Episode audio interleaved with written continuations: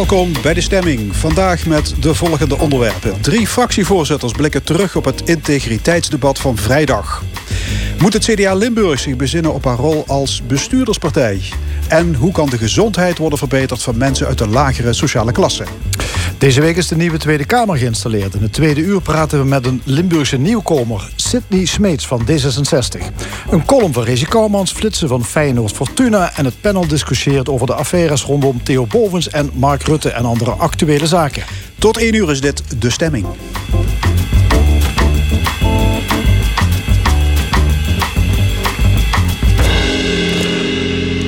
Vrijdag vergaderen de Provinciale Staten tien uur lang over integriteit. Maar nog altijd is er geen duidelijkheid. Het debat wordt komende vrijdag voortgezet... en dan zullen knopen worden doorgehakt over de rol van de provincie... bij de IKL-affaire, hoe het verder moet met het bestuur... en de positie van gouverneur Bovens. Aan tafel hier bij ons drie fractievoorzitters. Mark van Kaldenberg van de SP, Ruby Driessen van Forum voor Democratie... en René Klaassen van de PVV. Mariska Werry van het CDA wenste niet mee te doen. Heren, welkom. Ja, het was een marathonzitting van, uh, van tien uur. Uh, je zou zeggen, dat moet je toch tot een afronding kunnen komen. Ruby Driessen van Forum voor Democratie. Waarom kost dit zoveel tijd? Nou, in een utopisch geval hadden we natuurlijk een volledig transparant bestuur gehad. En als we een volledig transparant bestuur hadden gehad, hadden we alle feiten op tafel gehad vrijdag. En hadden we in alle openheid daarover te kunnen discussiëren. Dat hebben we nu dus niet. dit bestuur is niet transparant en daarom duurt het zo lang? Absoluut niet. En daarom hebben we dus alle feiten niet op tafel. En kunnen we nu niet vooruit en moeten we het uitstellen tot komende vrijdag. Ja, het debat kreeg een nieuwe impuls toen uh, gouverneur Bovens het vuur aan de schenen werd gelegd over onder andere over een mail die, die een NRC-journalist op 11 maanden de provincie had gestuurd. Met vragen over de IKL-affaire. Maar de gouverneur werd er pas twee weken later over ingelicht. Wat was de verklaring van Bovens? René Klaassen van de PVV. Zover ik dat heb kunnen eh, volgen, was de verklaring dat dat niet bij hem terecht uh, komt. Uh, en heeft uitgelegd hoe, hoe dat wel zou kunnen zijn. Dus dat het ja, via het ambtelijk apparaat uiteindelijk mogelijk bij de betreffende portefeuillehouder uit zou moeten komen, maar niet per se bij de gouverneur. En dat, dat vind ik nog wel aannemelijk, eerlijk gezegd. Mm. Maar waarom komt die mail niet bij hem terecht als portefeuillehouder integriteit? Dat zou je toch verwachten, hè? Ja, maar volgens mij is het dat het ging over uh, financiën en subsidies. En dan vul ik even in hoor, maar ik ben ook uh, terecht benieuwd uh, naar wat dat volgende week nog gaat maar opleveren. Maar die vragen die gingen toch over gesjoemel en belangenverstrengeling en malversaties?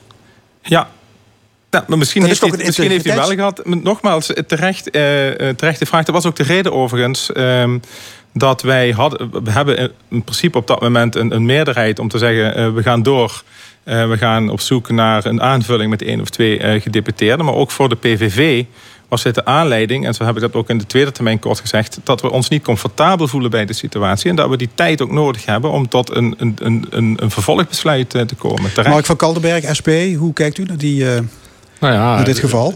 Kijk, gouverneur Bovens zegt ik weet van niks. Dan kunnen er eigenlijk twee dingen gebeurd zijn. Of hij wordt niet geïnformeerd door ambtenaren, door het college. En dat betekent eigenlijk dat niemand hem echt serieus neemt, hè, dat, dat, dat, dat niet gebeurt. Of uh, het is een kwestie van, nou, uh, ik wil het eigenlijk liever niet weten, dus informeer me er maar niet over. Nou, dat is natuurlijk wel een groot probleem. Als je maar dat die tweede variant kan ik me bijna niet voorstellen. Ja, nou, laat ik het zo zeggen. Je zou wel verwachten dat iemand die de hoeder is van de integriteit, dat hij dat soort dingen weet. Nou, als hij dingen niet wil weten, dan is dat een groot probleem. Dat eerste kan het geval zijn, maar. Ja, kijk, wat, wat wel natuurlijk aan de hand is, is dat in plaats van dat je als gouverneur de rechtsstaat gaat beschermen en ervoor zorgt dat uh, de burger wordt beschermd tegen die overheid die uh, gaat, is eigenlijk gouverneur bovens op dit moment een beetje de hoeder geworden van de zittende macht van het CDA, die Vriendenrepubliek. Ja. Ruby Driessen, Reactie? Nou, we hebben, uh, ja, we hebben in dit deze afgelopen vergadering aangegeven dat wij ons niet meer comfortabel voelen bij dit, uh, bij dit college.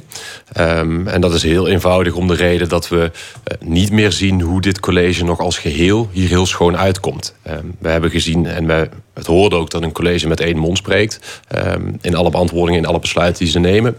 En wij voelen ons er niet meer comfortabel bij uh, dat dit hele college in zijn, in zijn totaliteit als collectief uh, uit deze bestuurscultuur kan komen.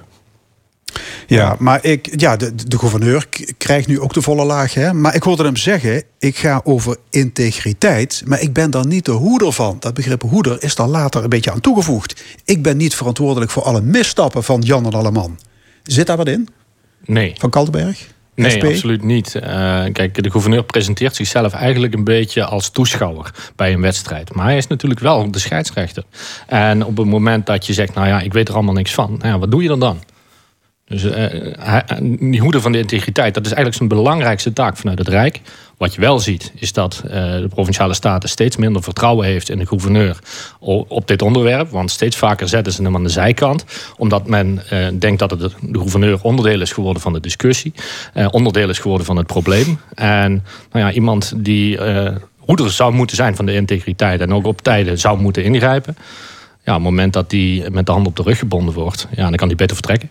Nou, Klaassen, PVV? Ja, wat, wat, wat meespeelt, ehm, eh, denk ik, en uh, om aansluiten bij uh, de heer Van Kaldenberg, is, oh, ik heb dat ook gezegd in mijn, in mijn eerste termijn, ook ehm, de gouverneur is een onderdeel van dat CDA en wellicht ook van die oude bestuurscultuur die er uh, heerst binnen het CDA. Misschien maar totaal in het zei hier vorige week aan tafel... ik ben weliswaar lid, maar ik kom al tien jaar niet op provinciale bijeenkomsten. Ja, ik ben slapend lid. Ja, maar ook slapende leden. Nou, misschien is dat wel het probleem. Want als je... Um, uit die stal voortkomt. En, je, en ik heb ook gezegd in de eerste termijn, als je dan niet meebeweegt in de veranderende cultuur van, van de huidige burger, hoe die kijkt naar integriteit, uh, uh, de, de, cultuur en de omgeving, uh, de mensen zijn veranderd. En mijns inziens is de CDA niet in staat geweest om met die cultuur mee te veranderen. Nou, als je dan slapend lid bent, ja, dan verander je helemaal niet mee. En daar, daar zit het gevaar.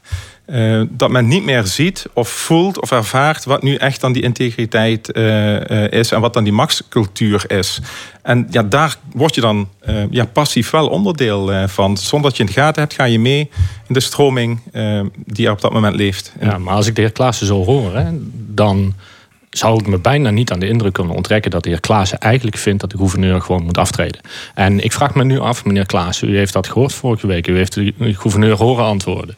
Uh, is de PVV in Limburg uh, nu zover dat ze zeggen de gouverneur moet aftreden? Of bent u eigenlijk een beetje ja, makkelammetjes geworden en nee. bent u besmet door die bestuurscultuur van het CDA en laat u ze zitten? Nou, helemaal niet. Ik heb zelfs uh, namens onze fractie medegedeeld dat we uh, uh, hebben gezegd van nou kijk waar we de gouverneur op in een positie kunnen hebben totdat alle uitkomsten van de integriteitsonderzoeken bekend zijn.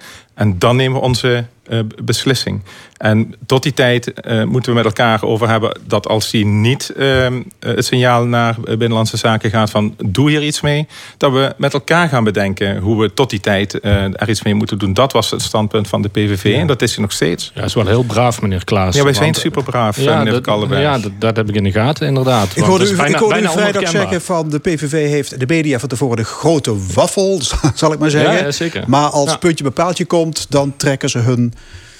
keutel in. Ja, overal in heel Nederland zie je dat de PVV op het moment dat het gaat over integriteitskwesties, overal direct uh, gooit met moties van wantrouwen. Maar hier in Limburg doet de PVV mee. En op het moment dat er dus daadwerkelijk arrogantie van de macht aan de hand is, Vriendenrepubliek er over tafel komt, dan schuift de PVV dingen vooruit, verschuilen ze zich achter onderzoek. Eigenlijk is de PVV een beetje onherkenbaar geworden in Limburg. En u voegt eraan toe, ze willen gewoon het baantje van uh, Robert Hausmans uh, behouden. Als ja, dat, dat lijkt in ieder geval de motivatie te zijn. Nou, dat is, als ik daarop mag antwoorden, zeker de motivatie niet. We hebben ook gezegd dat we het extra parlementair college een warm hart toedragen. En dat is het, het, het instituut. En ja, we hebben ook gezegd, ja, en de gedeputeerde zit daar namens zichzelf en niet namens het PVV. En daar handelen we ook naar. En dat weet meneer Housman verdomd goed, dat we daar in die zin geen rekening mee houden.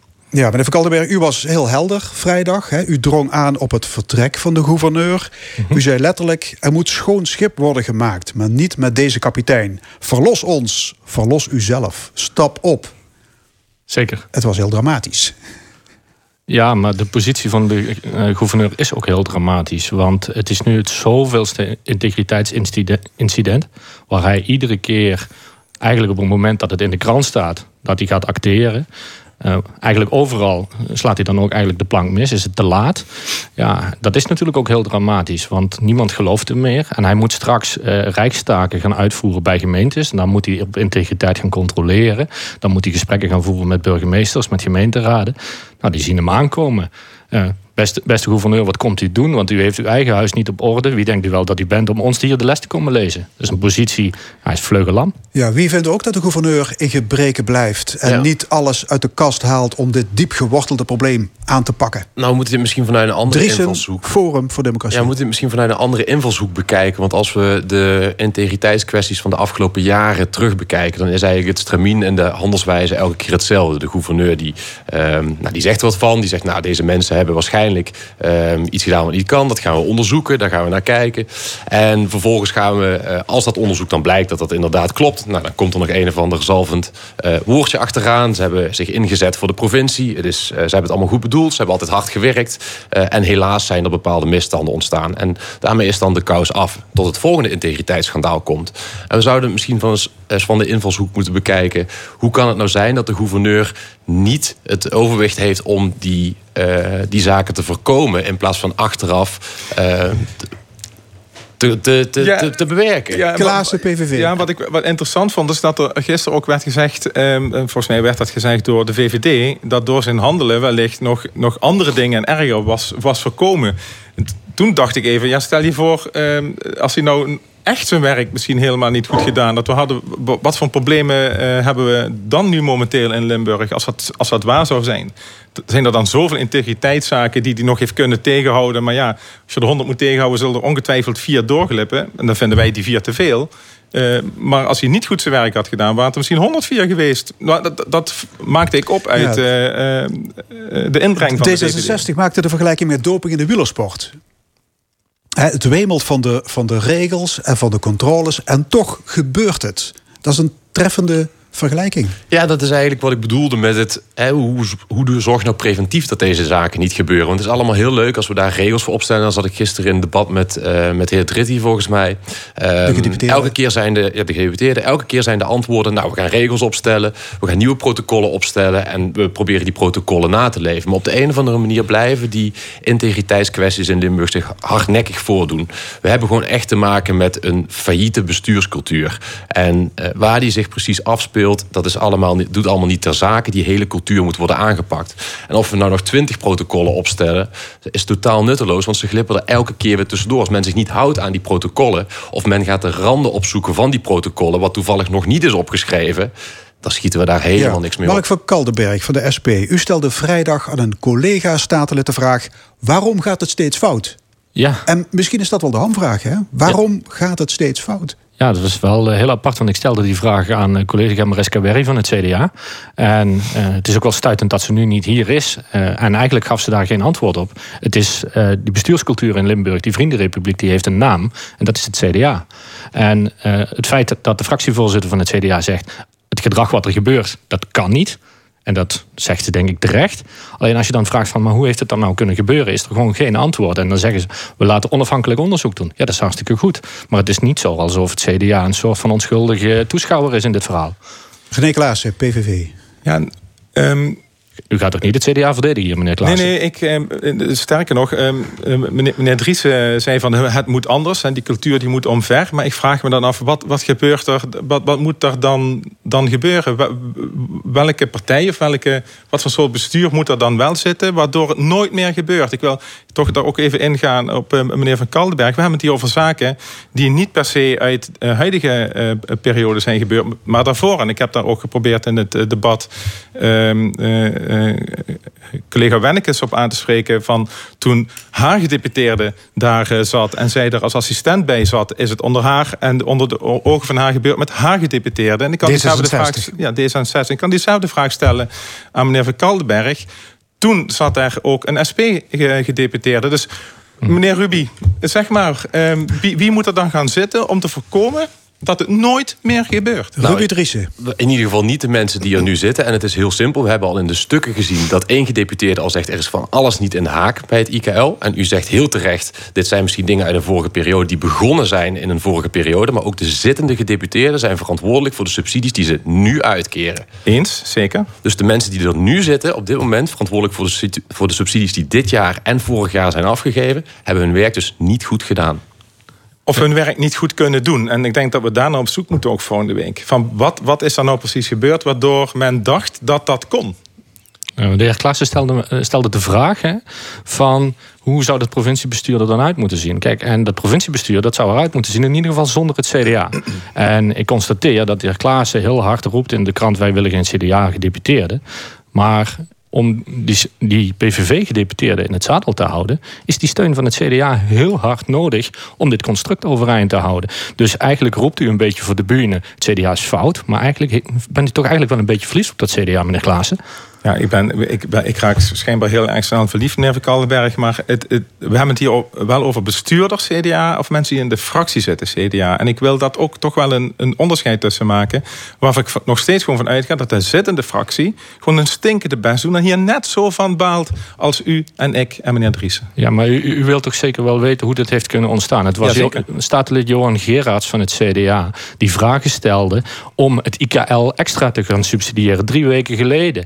En uh, u denkt toch niet dat dat toeval is, meneer Klaassen? Die fractie van het CDA die zou toch ook een tijdje door die woestijn moeten gaan lopen... zoals de vorige gouverneur die wel optrad, uh, uh, zei. Ga maar eens even een tijdje door die woestijn lopen. Ja, in tegenstelling tot de huidige gouverneur geloof ik wel in toeval. en niet in de voorzienigheid. maar ook dat zal dan, hoop ik, boven water gaan komen. Hoe dat soort haasjes hebben gehupt de afgelopen periode. en ik zeg u ook toe, meneer Van Kallenberg... en dat, dat, dat, dat zeg ik ook overal... als blijkt dat het echt niet kosher is geweest wat er is gebeurd, zullen wij de eerste zijn om te zeggen: en dit stopt. Dus, dus jullie zijn vrijdag eigenlijk amper toegekomen aan de vraag hoe het, hoe het verder moet hè, met, uh, met het oplossen van de bestuurscrisis.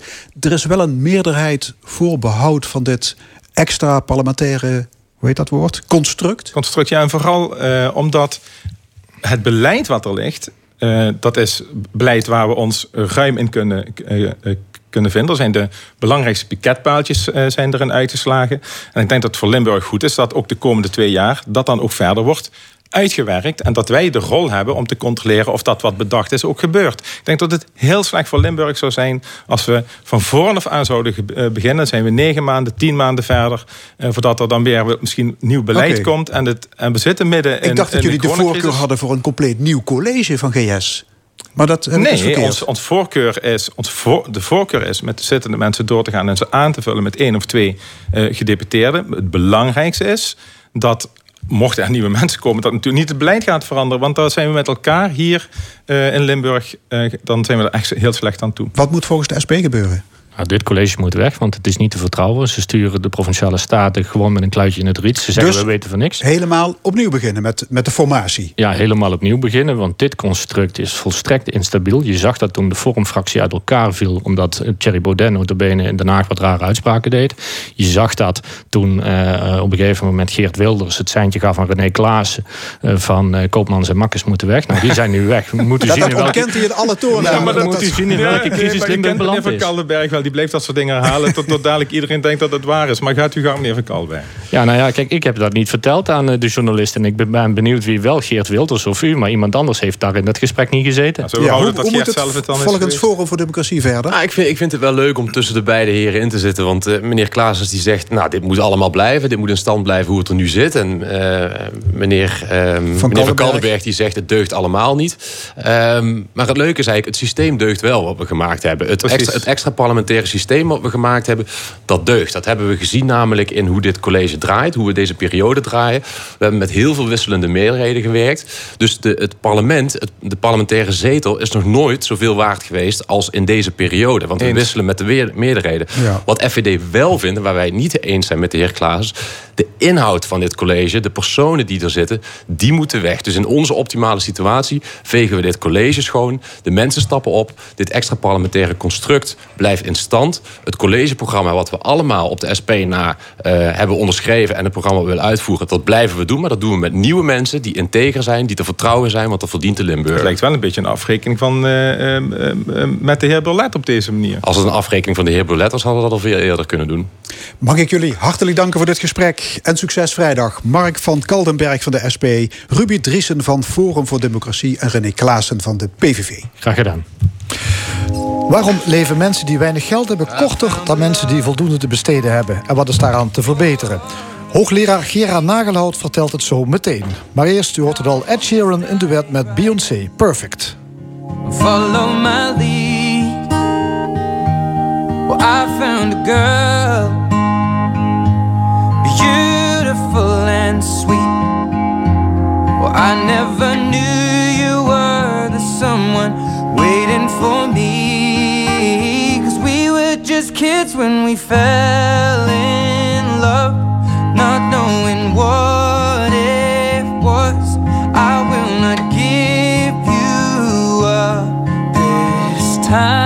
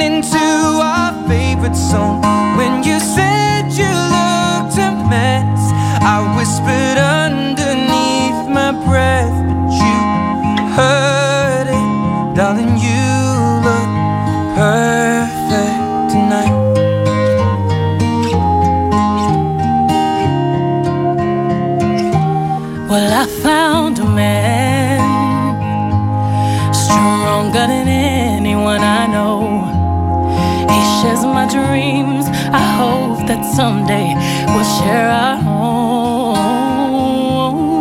I found love to carry more than just my secrets, to carry love, to carry children of our own. We are still kids, but we're so in love, fighting against all odds.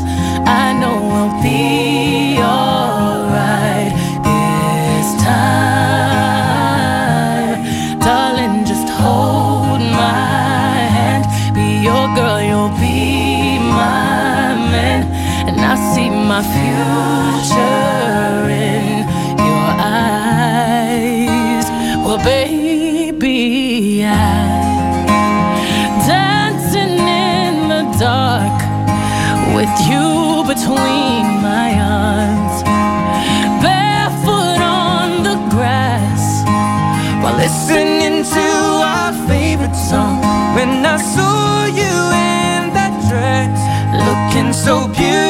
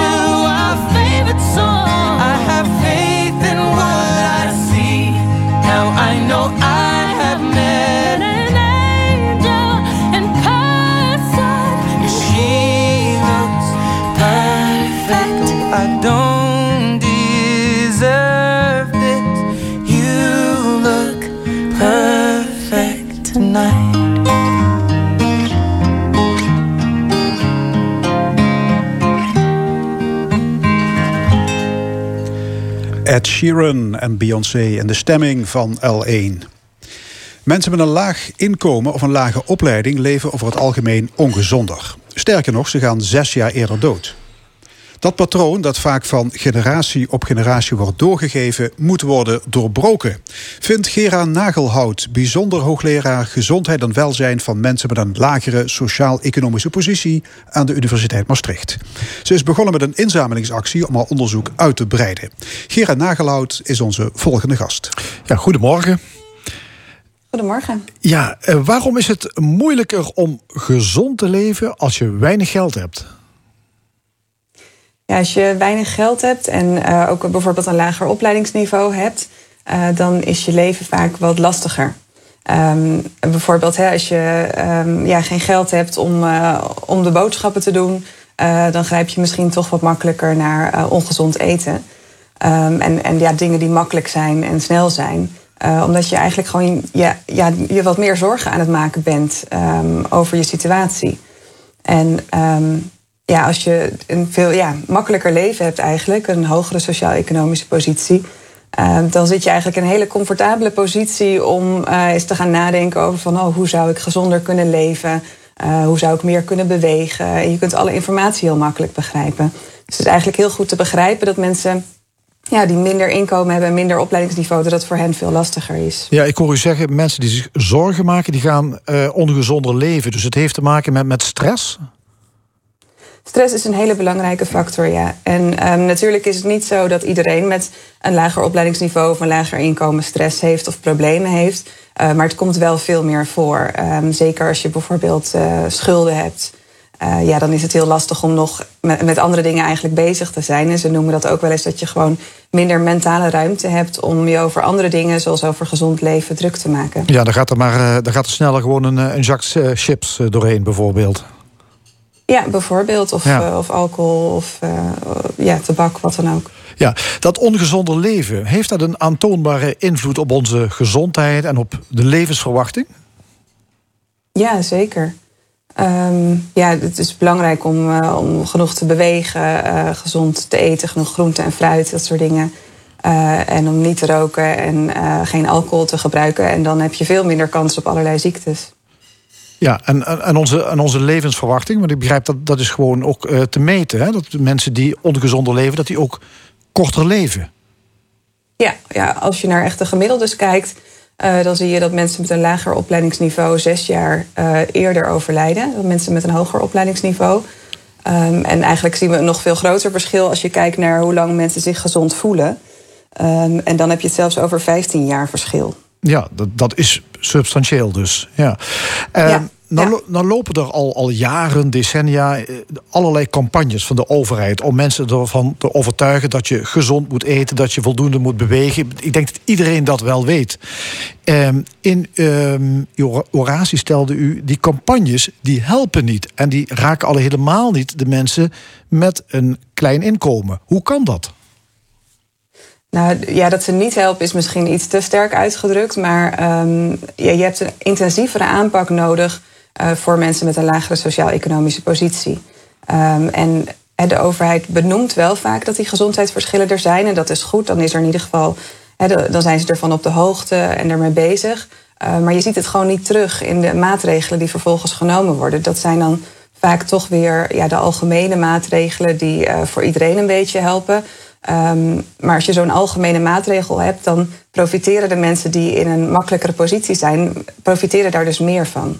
Ja, ik, ik begrijp, u, zelf, u bent zelf ook ervaringsdeskundige. U komt uit een gezin waar jullie het ook niet al te breed hadden vroeger. Um, werd er bij jullie thuis ongezond geleefd? Um, nou ja, er, er was ongezonde uh, leefstijl. Um, mijn vader rookte bijvoorbeeld en hij dronk te veel. Uh, maar het is niet zo dat wij um, heel ongezond aten bijvoorbeeld. Uh, mijn vader had een groentezaak. En, dus, en wij bewogen wel. Uh, dus ja, dat, daarom vertelde ik dat verhaal tijdens mijn oratie. Uh, om te laten zien dat als we het over gemiddeldes hebben, dan lijkt het net alsof het voor iedereen hetzelfde is. Maar natuurlijk zijn er allemaal individuele verhalen die daar aan ten grondslag liggen. En niet bij, bij niet iedereen is het hetzelfde. Nee, maar vaak is het wel zo dat het van generatie op generatie doorgaat. Dat ongezond, de ongezonde levensstijl dat die wordt doorgegeven aan de kinderen. Ja, zo is dat meestal zo. Um, en uh, bij mijn familie was dat niet het geval. Zijn we daar eigenlijk uitgekomen. Uh, maar meestal zie je dat patroon inderdaad. Zowel het ongezonde leven als um, het lagere inkomen hebben. Dat mensen daar, ja, gezinnen daar eigenlijk niet uitkomen. Ja, dit alles constaterende. Waar zou je moeten beginnen als je mensen die ja, het niet al te breed hebben, die weinig geld hebben, om die toch succesvol aan te zetten tot gedragsverandering? Dus tot uh, een andere manier van eten, gezonder eten, tot meer bewegen. Hoe zou je het dan wel moeten aanpakken? In mijn oratie vergeleek ik het uh, met een trap. Die metafoor gebruikte ik. En uh, wat wij vaak doen in het onderzoek en, en ook in de praktijk, is dat we ons heel erg um, druk maken over het oplopen van de trap. En dat is dan de trap naar een gezonder leven. Uh, dus dat we alleen maar met die trap bezig zijn. Maar eigenlijk is de weg naar de trap, vergeten we die soms. En de weg naar de trap is dan het, het bereik van interventies. Um, dus je kunt wel een hele goede uh, interventie maken die heel erg helpt om die trap naar een gezonder leven te bereiken. Maar als bepaalde groepen, zoals mensen met een lagere sociaal-economische positie, die trap nooit bereiken, dan hebben ze niks aan die hele goede interventie. Ja. Maar wat moet je doen om ehm, mensen dus- die trap te kunnen laten bereiken? Ja, dat is ten eerste dat je ze meer mentale ruimte geeft eigenlijk. Dus je moet de problematiek aanpakken waar ze nog meer mee zitten. Uh, bijvoorbeeld als je heel diep in de schulden zit, dan zul je niet zo snel uh, je bezig gaan houden met gezond leven. Dan kom je toch weer op die stress um, terecht. Als je in de, als je in de schuld ja. zit, dan heb je er gewoon geen, geen tijd uh, en geen fut voor om daarover na te denken. Ja, klopt. Ja. en een tweede belangrijke is het weghalen van drempels. Um, vaak is er een financiële drempel om iets met gezond leven te gaan doen. Nou, daar, daar werkt de overheid al wel heel goed aan om die weg te halen. Uh, maar je moet eigenlijk nog iets verder doordenken van wat zouden nog meer drempels kunnen zijn. En misschien kunnen mensen uh, bepaalde informatie niet vinden. Uh, moet je ze ergens bij helpen? Of is het taalgebruik uh, veel te ingewikkeld, waardoor ze het überhaupt niet kunnen begrijpen? Ja, maar u zegt schuldhulpverlening, dat is eigenlijk wel heel belangrijk. Mensen moeten zich gewoon ook comfortabel voelen om te gaan werken aan hun eigen gezondheid. Ja, ja, dat is wel een beetje stap één. Uh, niet voor iedereen nodig natuurlijk. Er zijn mensen die ja, al wel die mentale ruimte hebben. Um, maar dat is in ieder geval een hele belangrijke. En verder moet je nog um, doen aan actieve promotie. Zodat ja. hè, niet alleen maar degene die heel actief zoekt uh, de informatie kan vinden. Um, en een hele belangrijke is nog dat je het aantrekkelijk maakt om uh, met gezond leven bezig te gaan. Ja. Dat kan je doen uh, met, met beloningen en door mensen bij de interventie zelf te betrekken. Door ze gewoon zelf eigenlijk te laten vertellen van hoe wordt iets um, aantrekkelijk en leuk om, uh, om mee te doen. Ja, niet van bovenaf opleggen, maar mensen zelf te laten meedenken. U, heeft zelf, u bent betrokken bij een, uh, in een project in een wijk, bij een gezin. En u zet dat gezin, uh, dat, dat, ja, dat, dat is eigenlijk zelf actief geworden om andere mensen ook weer ervan te overtuigen dat gezond leven en veel bewegen goed en leuk is. Ja. Waarom zou zo'n gezin dat doen? Um, ja, om, iets te betekenen voor andere mensen. En um, zij gaven aan van hè, we willen iets doen voor mensen die het echt heel moeilijk hebben. Um, terwijl als ik uh, naar hun verhaal luister, dan denk ik, nou, jullie hebben het zelf ook al echt heel moeilijk. Maar voor iedereen is er eigenlijk een andere soort ja, motivatie om iets te gaan doen. En uh, we denken al gauw van, oh, mensen moeten alleen maar gezonder gaan leven omdat ze gezonder willen zijn. Dat dat het, het hoogste doel moet zijn. Maar dat hoeft helemaal niet. Als jij het kan gaan doen omdat je andere mensen wil gaan helpen of omdat je zelfs geld ervoor krijgt, dat is eigenlijk allemaal prima. We moeten een beetje ervan af Um, ja, dat, we, dat we vinden dat mensen een bepaalde motivatie moeten hebben. Ja, en als je buren het gaan doen, dan zet dat ook anderen weer aan tot uh, een andere levensstijl. Dat is dan het idee. Ja. Ja. ja.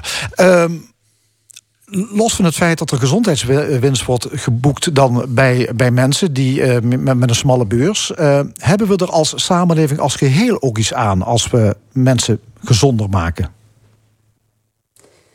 Uh, ja, ik, ik vind eigenlijk zelf het belangrijkste dat die mensen gezonder worden en dat ze zich daardoor beter gaan voelen. Uiteraard. Ja. maar, maar natuurlijk, ja, het, is, het scheelt ook geld. He, dat is natuurlijk als je kijkt naar, naar het macroniveau, naar de hele samenleving. Um, mensen die ongezond leven kosten de samenleving ook geld. en uh, ja, dus als we daarmee aan de slag gaan, dan scheelt dat weer. Waar valt de meeste winst te boeken als je het financieel bekijkt?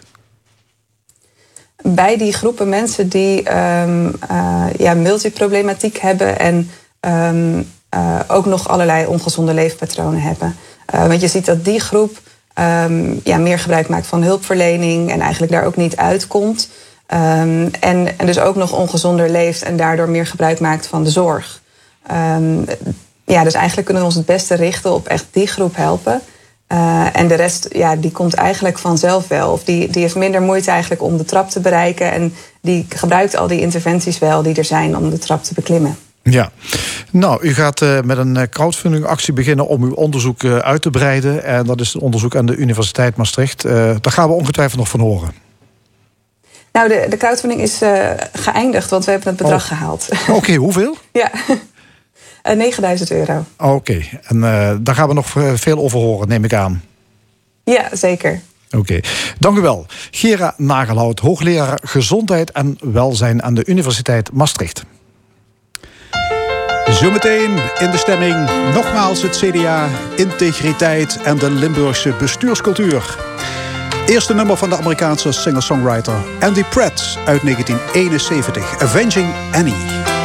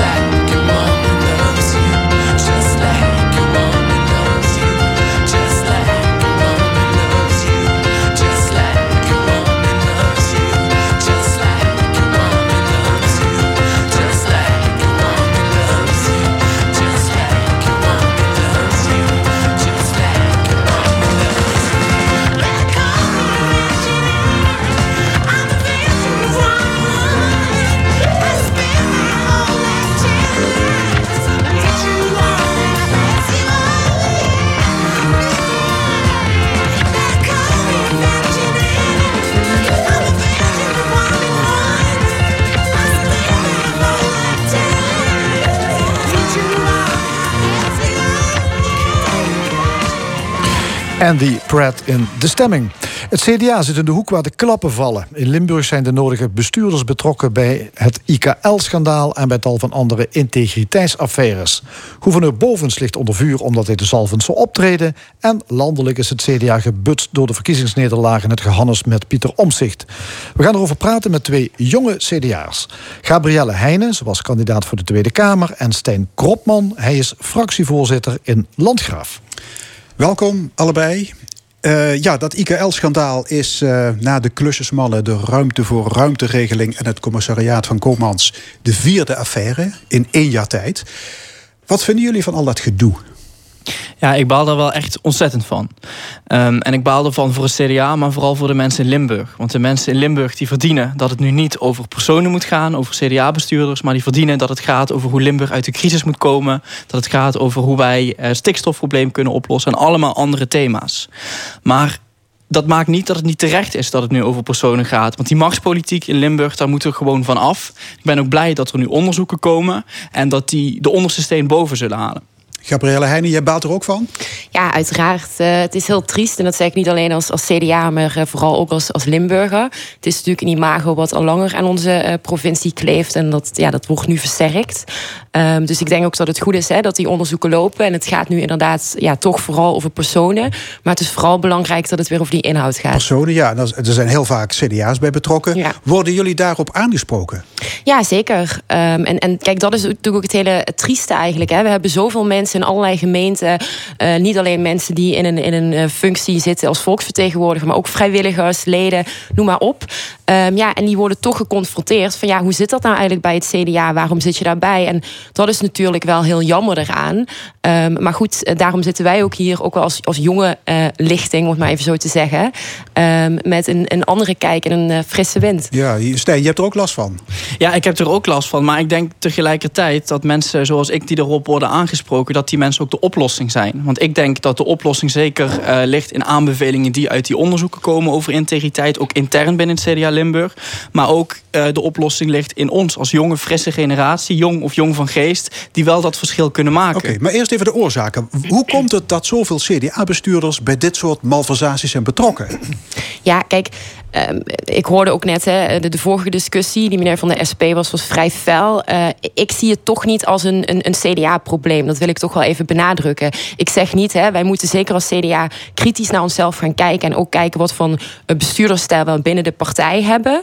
Um, maar ik denk dat dit probleem uh, iets, iets groters laat zien. Eigenlijk ook wat landelijk speelt. Dat uh, de macht en de tegenmacht in dit land. Niet goed functioneert. En ik denk uh, de tijdsgeest van nu vraagt, en dat noem ik uh, de omzichtstijl, vraagt om een open en transparante uh, bestuurdersstijl.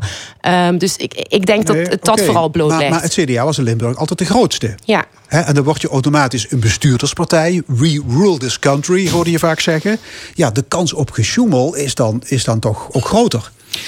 Ja, en ik vind, het, ik vind het nu ook wel heel goed dat juist dat gisteren, ondanks dat Mariska er zojuist niet was, dat het CDA en de provinciale staat nu zegt: we blijven als CDA de partij die verantwoordelijkheid neemt. Die zegt: we willen dat Limburg doorbestuur blijft worden, maar nu even zonder het CDA en het bestuur. Een nieuwe vorm van verantwoordelijkheid nemen, noem ik dat. Dus ik denk in die zin wel dat het kwartje gevallen is om nu te zeggen: we doen nu even afstand van die macht in Limburg. Ja, en, en ik wil daar nog wel bij, uh, bij zeggen dat uh, wat ook heel duidelijk uh, in Mariska Mariska betoog kwam, is wij zijn hier niet alleen maar om het bestuur te steunen. Hè. Bedoel, ze nemen verantwoordelijkheid en dat is heel goed. Maar we zitten er ook om kritisch te zijn en onze controlerende taak uit te oefenen. Um, en ja, dat is eigenlijk wederom die omzichtstijl. Ik denk dat zij dat heel goed in haar betoog uh, kenbaar heeft gemaakt. Ja, behalve belangenverstrengeling heb je ook nog het, ja, het schemergebied van de ons kent ons cultuur. Hè. Vriendjespolitiek, elkaar opdrachten toespelen. Dat is een hardnekkig verschijnsel in Limburg. Ja. Nou ja, kijk, en daarom is het ook zo belangrijk. Hè? Kijk, onze voorzitter Harold Schoeder heeft natuurlijk al uh, een aantal uh, maatregelen, om het maar even zo te zeggen, aangekondigd. Wat gewoon heel belangrijk is, is als we nu een vertrouwenspersoon binnen het CDA uh, um, gaan aanstellen, dat die persoon echt wel onafhankelijk is en ook niet eens een lichte schijn van partijdigheid in het leven Is het probleem niet veel massiever? En, Laat ik de vraag anders stellen. Is de Vriendenrepubliek nog altijd intact? Ja, weet u, kijk, dat zijn natuurlijk allemaal van die, van die leuke termen om het ook allemaal heel, heel, heel spannend te doen klinken. Ehm, maar, en, en ik wil ook echt niet bagatelliseren hoor, want het is natuurlijk heel ernstig wat er is gebeurd. Uh, maar het is echt niet zo dat wij een partij zijn uh, die alleen maar bestaat uit ontkens ons. Weet wij zitten hier ook, we hebben enorm veel goede, uh, goede mensen in allerlei gemeenten maar een, zitten. een voorbeeldje. In 2016 benoemde de provincie nieuwe voorzitters van de vier nationale parken. Allemaal oud-bestuurders. Drie van de vier waren een opspraak. Ja. Ja, is dat niet vragen om, om moeilijkheden? Ja, dat is, alle, dat is allemaal die, die flinke schijn die er nu is van die machtspolitiek. Daar ben ik het helemaal met je eens. En daarom is het nu ook goed dat die onderzoeken er komen. Maar wat we nu niet moeten vergeten... en ik heb ook naar vorige sprekers die hier aan tafel zitten... heb ik goed geluisterd. En zij verklaren nu mensen als schuldig. Maar ik vind nog altijd... in Nederland ben je onschuldig tot een tegendeel is bewezen. Dus laten we ook zeker met de rol van de gouverneur... toch even die onderzoeken afwachten... voordat we daar al voorbarige conclusies eh, aan verbinden. Maar ik ben het met je eens. Het heeft alle schijn van machtspolitiek. En die schijn, daar moeten we van Ja, af. waarom zit CDA-statenlid Mirjam de Pont in de Raad van Commissarissen van L1? Ja, dat moet u aan haar vragen. Dat, Ja. dat, dat weet ik zelf niet. Ehm, ehm, ja, goed, maar ik, ik, ik snap waar u op doelt. Eh, de schijn, eh, waar ik het zojuist over had. En ehm, ik, geloof, ik geloof ook dat heel veel... eh, dat, dat de meeste CDA'ers op basis van kundigheid... hun normale baan hebben of, of andere banen hebben. Ehm, Nou maar, ja, ik, ik wil er wel bij aansluiten. Kijk, ik denk ik, en, en ik denk dat ik ook voor Stijn spreek... wij bedrijven politiek eh, eh, niet omdat we, eh, hè, zoals u dat noemt... bij die vriendenrepubliek willen horen, eh, als die er al mag zijn... maar omdat wij eh, eh, het goed, een, een betekenis willen... of het goed willen doen eigenlijk voor onze maatschappij. We willen een volksvertegenwoordiger zijn. We willen er voor de Limburgse kiezer zitten. Ehm, en Precies, dat is ik ben manier... niet uit en Gabrielle zei niet... Ik, ik ben niet uit op een baantje. Ik wil in die gemeenteraad wil ik keihard die controlerende taak... Nee, zoals ik. Omzicht dat ook doet, vervullen. Ja. Maar het externe onderzoek naar de IKL-affaire... die was toegewezen aan Maria Henneman. Nou, die Ja. heeft een bureau dat aan damage control doet. Ja, dat was Ze is handig. getrouwd met een CDA-eerste Kamerlid... en is net als Freya actief in de paardenwereld. Dat snap Hoe je. absurd kun je het, kun je Ja? Ja, daar snap je helemaal niks van. Het is, dat is dus die schijn waar ik het net over had. Die komt er weer naar voren. Ook al was het de tante van een CDA of de achtertante. Zorg er gewoon voor dat die mensen ehm, alle schijn ehm, van partijdigheid... ehm, dat die die niet hebben. Ja, en je kunt Dus het hebben over vertrouwenspersonen en protocollen en integriteitscodes. Maar zijn dat niet allemaal papieren tijgers? Nee, want het het- moet toch tussen de hoofden? Nee, maar het- ik ben het met u eens. Het moeten geen papieren tijgers zijn. Maar het gaat er wel om dat we ook inderdaad iets gaan doen. En Ja. eh, als je een bepaalde bestuurdersstijl wil veranderen... zul je toch eh, actie moeten ondernemen. En dan zijn dit, dit toch wel de dingen hoe je, dat, hoe je dat doet. Je verandert een bepaalde mentaliteit of een bepaalde stijl... verander je niet van vandaag op morgen.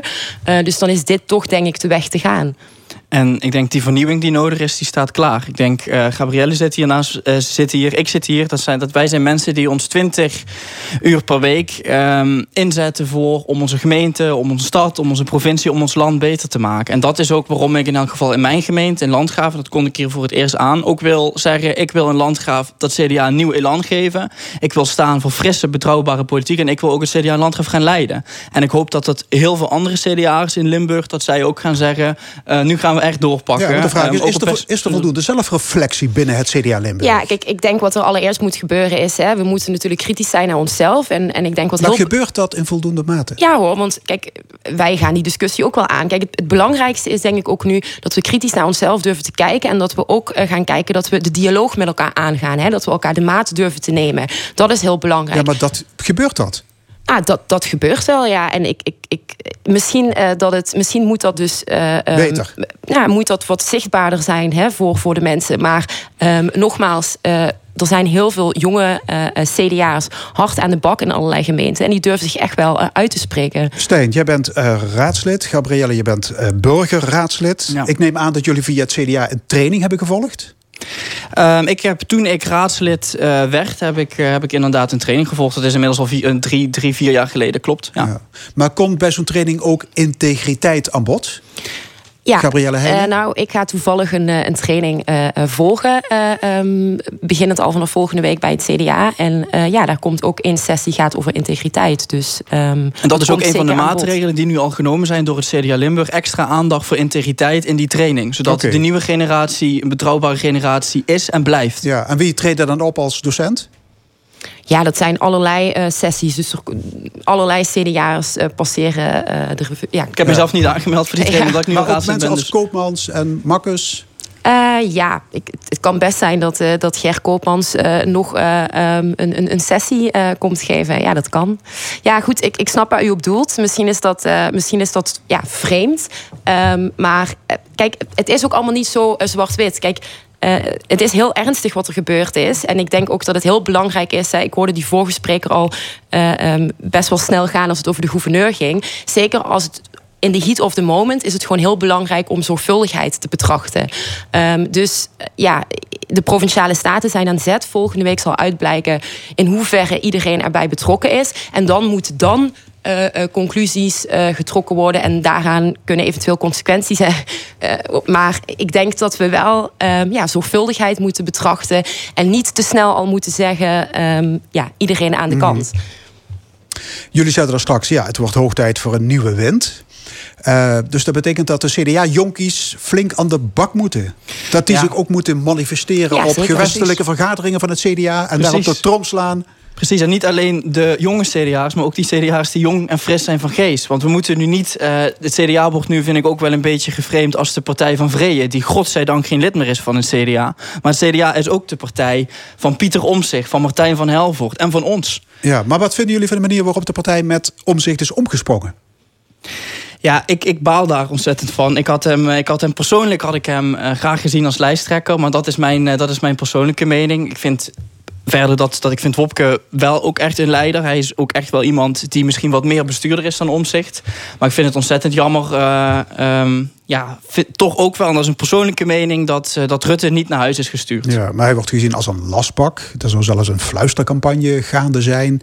Mm -hmm. Niet fraai. Gabrielle nee, het is, het is niet fraai, maar ik moet, kijk, ik moet er ook daar wel bij zeggen. Uh, er wordt vaak ook in de media echt een soort van beeld gecreëerd dat Wopke en uh, Pieter niet door één deur zouden gaan. Nou, dat is absoluut niet waar. Ik bedoel, uh, Pieter heeft ook tijdens de lijsttrekkerscampagne gezegd: hè, Wopke is mijn premierskandidaat.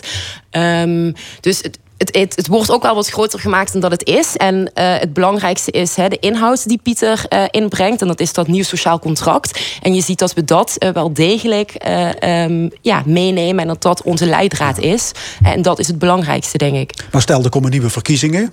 En uh, omzicht komt een eigen lijst. Dan blijft er van het CDA weinig over, ben ik bang. Maar dat gaat niet gebeuren. nee, ik denk ook dat dat niet gaat gebeuren. Nee. Komen er wel misschien nieuwe verkiezingen? Ja, als het aan mij ligt, als er zo weinig vertrouwen is in de premier. Um, maar ik, mij lijkt het dat, dat men altijd moet streven naar een meerderheidskabinet. Dat lijkt nu al onmogelijk te zijn. Als Rutte aanblijft als onbetwiste VVD-leider. en daarmee ook wat de VVD betreft als, als, als, uh, als, als premier. Het CDA heeft last van vergrijzing. Ja. Alle traditionele middenpartijen. Komen de jongeren voldoende aan bod?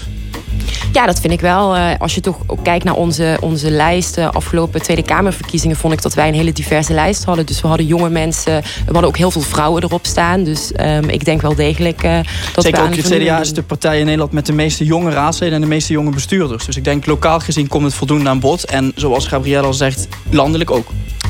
Hartelijk dank voor dit gesprek. Gabrielle Heijnen en Stijn Kropman. En na 12 uur in de stemming flitsen van de voetbalwedstrijd Feyenoord-Fortuna Sittard... en een kennismaking met een nieuw D66 Tweede Kamerlid uit Limburg, Sidney Smeets. En er is een column van Rezi Koumans.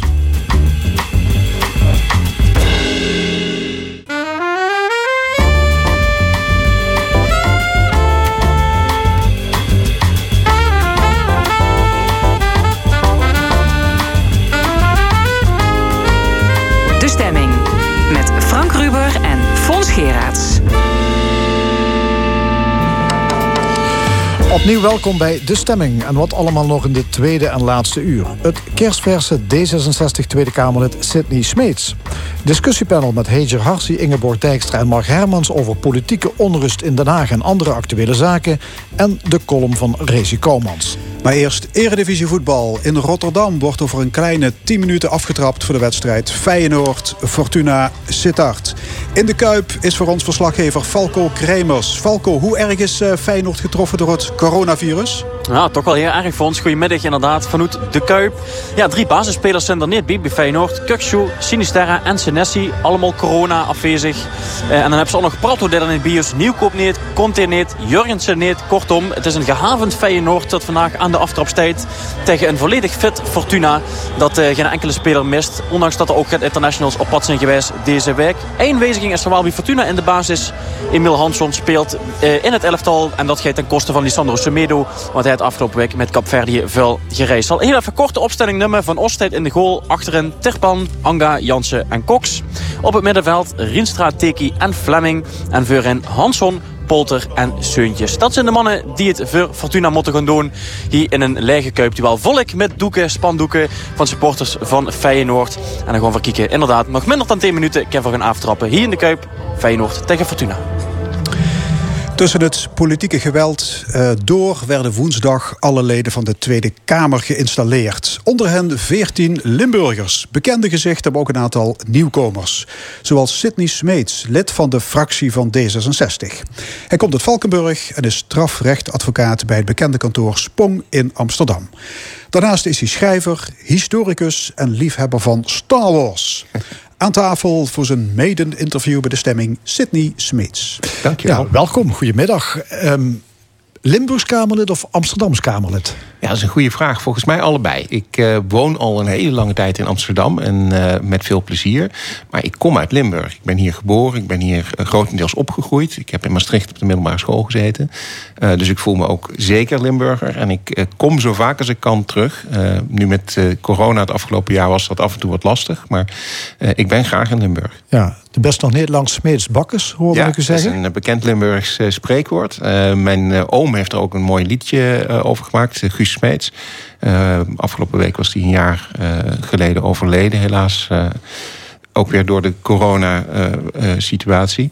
Um, ja, een bekend spreekwoord. we zijn een echte bakkersfamilie uit Valkenburg. In de Muntstraat in Valkenburg had mijn opa en zijn vader en overgrootvader altijd al bakkerij Smeets met een lunchroom daarbij. Uh, daar zijn mijn uh, ooms, mijn vader, mijn tante opgegroeid. Um, en later is mijn vader ook weer een een lunchroom in Valkenburg begonnen. Dus een bakkersfamilie. Ja, en, en Smeets, hoe Limburgs kun je het hebben? Ja. ja. Het, uw eerste week in de Tweede Kamer. de overgang van de straf, het strafrecht naar de politiek. En het was echt meteen raak. Meteen met de neus in de boter, kun je zeggen. Het was een bijzondere week. Um, op alle vlakken. Je, komt aan in Den Haag. Uh, dan probeer je je plekje te vinden. Hè. We, wij zitten als, als D66-fractie in een heel mooi gebouw. Het oude departement van Justitie. Um, prachtige kamers, prachtige werkkamers. Maar ja, die zijn nog niet helemaal goed verdeeld natuurlijk op de eerste dag. Dus je bent vooral aan het zoeken, nou waar kan ik even zitten? En dan die beëdiging, ook heel uh, apart. Uh, omdat het vanwege corona toch ook een ander karakter had dan normaal. Hè. Normaal zit je met z'n allen, 150 man in die zaal. Dan heb je heel veel gasten bij. En dan ga je toch een beetje een feestje vieren. Nou, dat allemaal niet. Gelukkig konden mijn vader en mijn moeder er wel bij zijn. Mijn vader in de zaal, mijn moeder die moest helaas buiten wachten.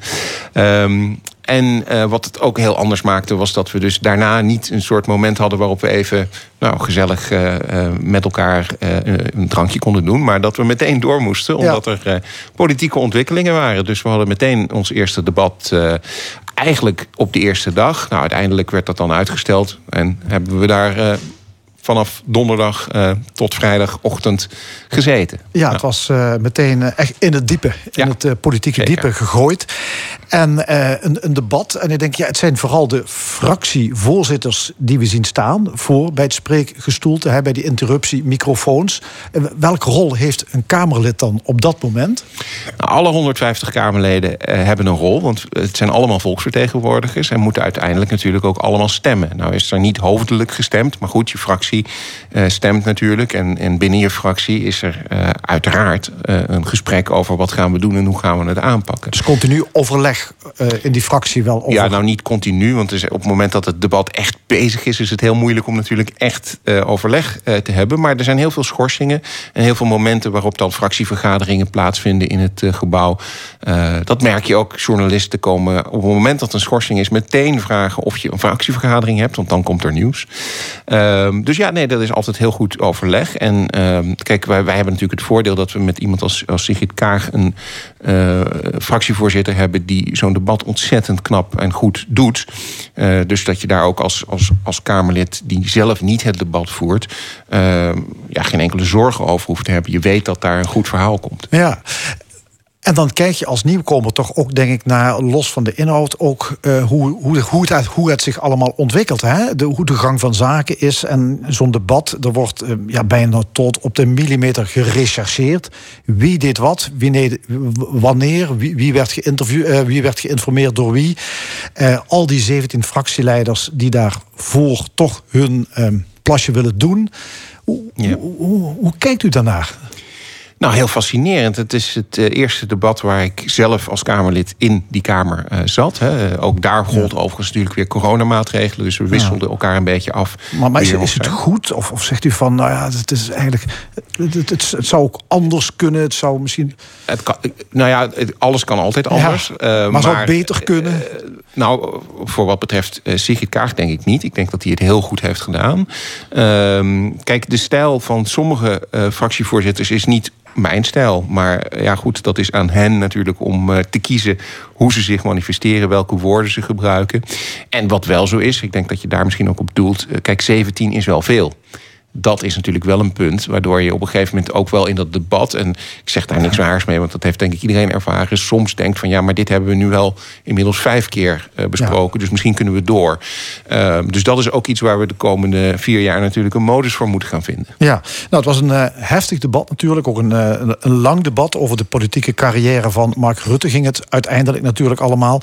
Um, ja, uw fractieleider Sigrid Kaag die ging er aanvankelijk hard tegenaan. Maar D66 besloot uiteindelijk toch de motie van wantrouwen niet te steunen. Hoe kan dat? Nou, dat heeft Sigrid denk ik heel goed uitgelegd. Uh, we hebben een motie van afkeuring ingediend samen met uh, het CDA. Dus eigenlijk degene om wie het ging, hè, Omtzigt. Uh, zijn fractie heeft ook die motie van afkeuring gesteund. Um, en zij heeft in het debat heel goed uitgelegd waarom we dat hebben gedaan. Dus daar heb ik niet zo heel veel aan toe te voegen. dat heeft met staatsrechtelijke aspecten te maken. Hè. Welke positie had Mark Rutte nou precies in dit, dit verhaal? Was die als premier daar bezig? Nou nee, hij was daar als fractievoorzitter bezig. Um, en het is ook duidelijk wel een heel stevig signaal. Want je kunt zeggen van een motie van wantrouwen gaat verder.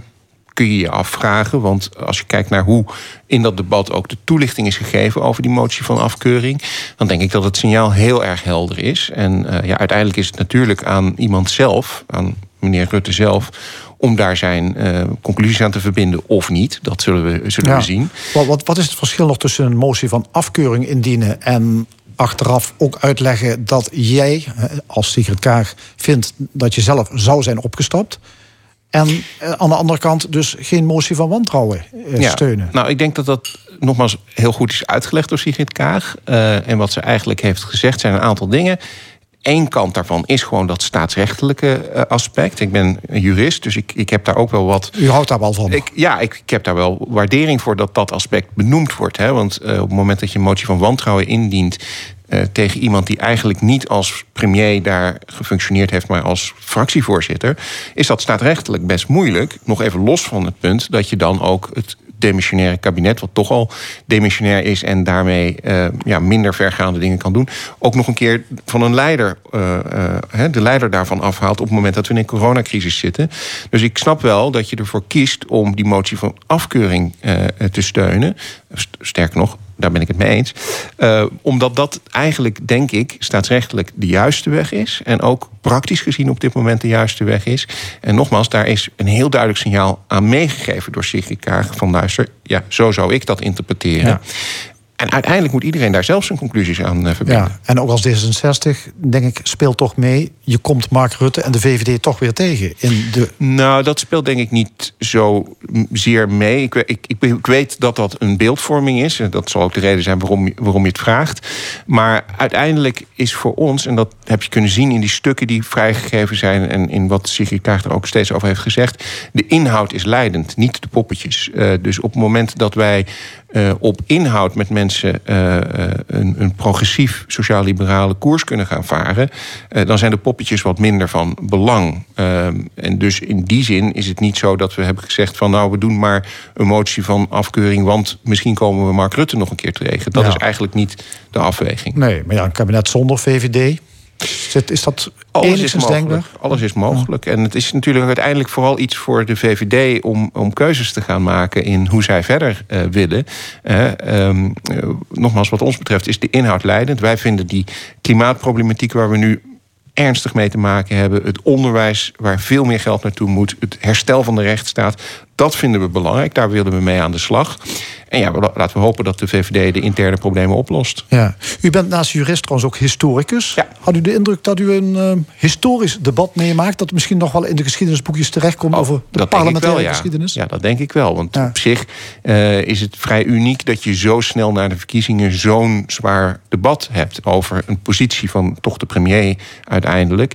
Um, en dan ook nog eens een keer dat het zo lang doorgaat. Nou goed, dat is geen unicum in Den Haag, maar het is wel uitzonderlijk. Um, dus ja, ik denk zeker een historisch debat. Ja. Ja, overigens jurist en historicus. U had een één studie niet genoeg. nou, ik heb uh, eerst rechten gestudeerd in Leiden en uh, ben advocaat geworden. Maar ik had altijd ook al een fascinatie voor geschiedenis.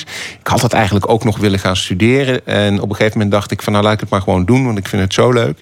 En dat uh, beviel goed, dus ik heb een paar boeken geschreven daar, ja. naar aanleiding daarvan. Ja, over de Kristalnacht bijvoorbeeld. Onder andere de Kristalnacht. Ja. En eind van deze maand komt mijn nieuwe boek uit over de geschiedenis van de LHBTI-rechten in Nederland. Mede naar aanleiding van dat het deze week, 20 jaar geleden, is dat het burgerlijk huwelijk werd opengesteld. Ja, en u dacht, laat ik eens in de historie van het uh, homohuwelijk duiken. Ja, het, ja. Uh, ja, de openstelling van het burgerlijk huwelijk is natuurlijk geïnitieerd door D66 vooral. Er zijn gelukkig heel veel anderen die zich daarbij hebben aangesloten. Maar voornamelijk Boris Dietrich is daar toch de hoofdmotor in geweest.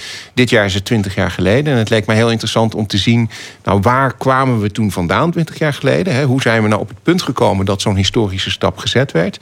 En wat is er daarna gebeurd en wat moet er nog gebeuren? Ja. Dat probeer ik in dat boek uit te leggen. Ja. Ik zag een, een, een staartje waarin uh, je kon zien hoe het gesteld is met de homorechten op dit moment. Uh, en in vergelijking met 20 jaar geleden. Toen was Nederland echt koploper. Ja. Nu staan wij niet eens in de top 10 nee. van landen waarin ja, zal maar zeggen, alles uh, goed of minder goed geregeld is voor homo's en Klopt. lesbiennes. En, wat, wat vindt u daarvan? Nou, dat vind ik uh, uh, beschamend. Dat heb ik ook al eerder gezegd. Uh, het is denk ik überhaupt voor ieder land belangrijk dat ze uh, zorgen dat ze zo goed omgaan met LHBT-rechten dat ze in die top 10 komen te staan. Maar zeker voor Nederland. We hebben altijd een voortrekkersrol gehad. En heel veel mensen denken ook dat we die nog steeds hebben. Maar zoals je terecht benoemt, in dat staatje, hè, dat is een staatje wat ieder jaar wordt gemaakt uh, over Europese landen en hoe staat het er nou mee? Ja, daar staan we nu al drie jaar niet meer in die top 10. Dus daar moeten we echt voor gaan zorgen dat dat weer uh, voor elkaar komt. Er zijn uh, gelukkig uh, nu heel veel partijen die zich aangesloten hebben bij een regenboogstembusakkoord. En daar staan heel veel punten in die die rechter beter kunnen verankeren. Dus laten we hopen, ook daar weer op de inhoud, dat we met heel veel partijen samen in de Kamer het, het kunnen gaan realiseren. Dat we gewoon weer op nummer 1 komen te staan. Ja. U wordt woordvoerder voor justitie, asiel en immigratiebeleid. u komt uit de advocatuur, hè, de uh, strafrechtadvocatuur Spong aan de Keizersgracht in Amsterdam. En daarin heeft u vooral uh, zware criminaliteit gedaan, zedenzaken, ook bekende zaken. Hè, de, de, grensrechter die na geweld om het leven kwam, uh, Amsterdamse zedenzaak, de Belgische kasteelmoordzaak. Koffieshophouder van Laarhoven, de, de man die in Thailand vast zat, om even mm-hmm. aan te geven welke zaken. dus de zware criminaliteit. Wat, wat, wat, wat trekt u daar zo aan om u daarin te, nou, ja, op te gooien? nou, de zware criminaliteit aan zich trekt me niet zo. Want dat, uh, als het er niet zou zijn, zou het beter zijn. Uh, maar dat soort zaken die u op, opnoemt... dat zijn zaken waar vaak hele principiële kwesties spelen. Hè? Zoals bijvoorbeeld die koffieshop Uh, daar gaat het erom dat je aan de voordeur iets mag en aan de achterdeur niet. Nou, dat is een heel principieel juridisch uh, geschil wat je dacht gaat uitvechten bij de rechter. Kasteelmoord was een hele interessante zaak, omdat je daar in België gaat pleiten voor een Nederlandse verdachte in een bijzonder complexe strafzaak. Uh, en dat zijn de dingen die mij aanspreken. Dat is ook een beetje bij ons kantoor, hè, waar we wel voor staan. De zaken waar wat meer principiële kwesties aan de orde zijn. Hele interessante juridische vragen aan de orde zijn. Die soms ook wat raakvlakken met de politiek hebben. Er zijn verschillende zaken die ik heb behandeld. naar aanleiding waarvan er uiteindelijk wetgeving is veranderd of aangepast. En ja, nu ga ik dat als medewetgever zelf doen. Ja, en die D66-rechters, moeten die nou eens uh, strenger gaan straffen in dit land? Nou, eh, ik zeg altijd, uh, was het maar zo dat het allemaal D66-rechters waren... want dan zou het denk ik nog beter zijn gesteld met onze rechtsstaat. Maar dat is een beetje een grapje. Nederland straft, als je het gaat vergelijken met de landen in Europa om ons heen... echt heel zwaar. Het is een soort beeld dat er bestaat dat we dat niet doen. Maar uit alle onderzoeken blijkt dat we dat juist wel doen. We straffen al heel zwaar. Dus de oplossing uh, voor onze rechtsstaat, voor de criminaliteit... zit vaak niet in zwaarder of harder straffen... maar in een slimmere aanpak. Bijvoorbeeld zo'n taakstrafverbod... wat onlangs is, uh, is opgelegd of ingevoerd door VVD-CDA dat is helemaal niet verstandig. Daar help je eigenlijk de maatschappij niet mee. Sterker nog, je maakt de maatschappij onveiliger... omdat taakstraffen aantoonbaar ervoor zorgen dat er minder herhaling eh, van crimineel gedrag plaatsvindt. En zwaarder straffen, daar schrik je vaak eigenlijk niet de mensen mee af die die criminaliteit plegen. Want dat is niet zo dat een inbreker voor jouw deur staat en denkt: Nou, nu is de straf verzwaard, dus doe ik het maar niet. Zo werkt dat niet. Dus je moet echt beter investeren in die hele strafrechtketen. Beter investeren in de politie, in de reclassering. Daar maak je Nederland veiliger mee. En alleen maar zwaarder straffen, dat klinkt heel stoer, maar het lost weinig op. Ik heb nog een paar feitjes over u gevonden. Nou, ben benieuwd. Ik zag een filmpje op YouTube in uw woonkamer. Het staat helemaal vol met Star Wars attributen. Ja, niet alleen Star Wars, ook andere dingen die te maken hebben met popcultuur. Een uh, goede vriend van mij, uh, Ipe die noemt mijn huis altijd het uh, Sydney Smeets Museum voor Popcultuur. Ehm, ik maak samen met andere mensen een, een podcast. Die heet Geeky Dingen. en daar praten we over popcultuur. Dus over films, series, en uh, dat is iets wat me altijd gefascineerd heeft. En uh, nou ja, voor corona ging ik met regelmaat uh, op bezoek op plekken die daar iets mee te maken hadden. Bijvoorbeeld bij een studio waar een vriend van mij werkte. Of nou ja, Comic-Cons. Ja. Dat zijn conventies waar mensen samenkomen. Um, en ik, ik verzamel inderdaad heel veel van dat soort spullen. Ja. Probeert dan van die Star Wars objecten die in de film gebruikt worden... om die zelf ook aan te schaffen? Ja, ja nou de originele Star Wars objecten zijn vrijwel onbetaalbaar inmiddels. Uh, als je die echt wil kopen. Maar ik heb wel een paar originele dingen. Onder andere van Indiana Jones, voor de luisteraar. Um, uh, ja, ik vind dat heel leuk. Ik vind het leuk om, om, om iets tastbaars te hebben... van, van iets wat, wat ik, waar ik veel plezier aan beleef. Ja, en tot slot, ik zag ook nog staan, u bent persoonlijk medewerker geweest van Erika Terpstra. Klopt, ja. Die zat toch voor de VVD, VVD in de Tweede klopt, Kamer? Ja, ja, dit was uh, ruim twintig jaar geleden. Oké. En uh, toen was de VVD gelukkig nog een echte liberale partij. Uh, en inmiddels is D66 dat. Dus vandaar dat ik ook voor D66 in de Kamer zit. Oké. Wat wordt het eerste wat u gaat echt gaat aanpakken? Nou, er zijn heel veel dingen, maar de rechtsstaat. De rechtsstaat, daar gaan we ons echt op focussen nu. Want daar is een flinke deuk opgelopen door een heleboel dingen... maar onder andere de toeslagenaffaire. Dank u wel, Sidney Smeets, nieuw Kamerlid voor D66. Dank u wel. U luistert naar L1, meer speciaal naar de stemming. En we gaan naar Feyenoord, Fortuna, Falco, Kremers in de Kuip. Is de openingsfase opwindend? Nou, dat is nog niet echt het geval, Fons. 9 minuten zijn voor bezig. 0-0 de stand. En we hebben nog geen kans gezien in uh, deze wedstrijd. Eén shot van Jens Toornstra van Feyenoord. Maar dat ging huishoog over de goal van keeper Jannik van Os van Fortuna. Fortuna heeft zich nog niet gevaarlijk gemeld in de 16 meter van Feyenoord. En dus is het een rustige openingsfase. Dan 10 minuten en wachten we op de eerste kans in deze wedstrijd. Zometeen de column van Rezi Komans, gevolgd door het discussiepanel. Maar eerst een liedje van Harry Nilsson, Everybody's Talking.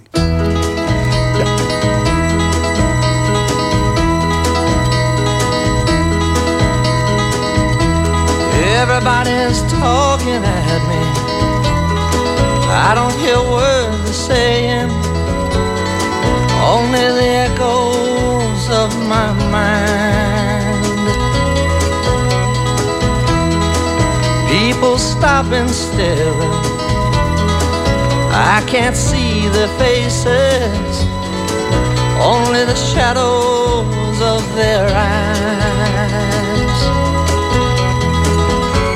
I'm going where the sun keeps shining through the pouring rain.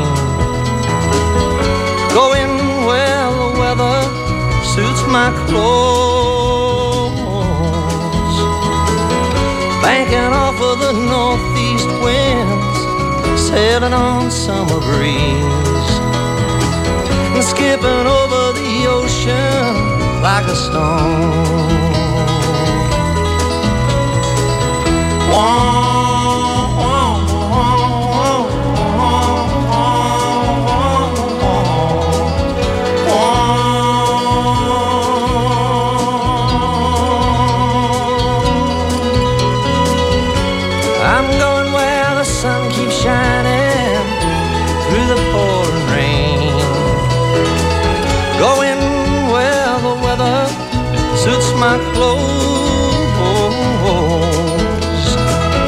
Banking off of the northeast winds, sailing on summer breeze, and skipping over the ocean like a stone.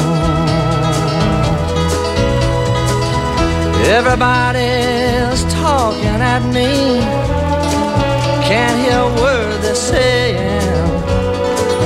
Only the echoes of my mind. Won't let you leave my love behind. No, I won't let you leave.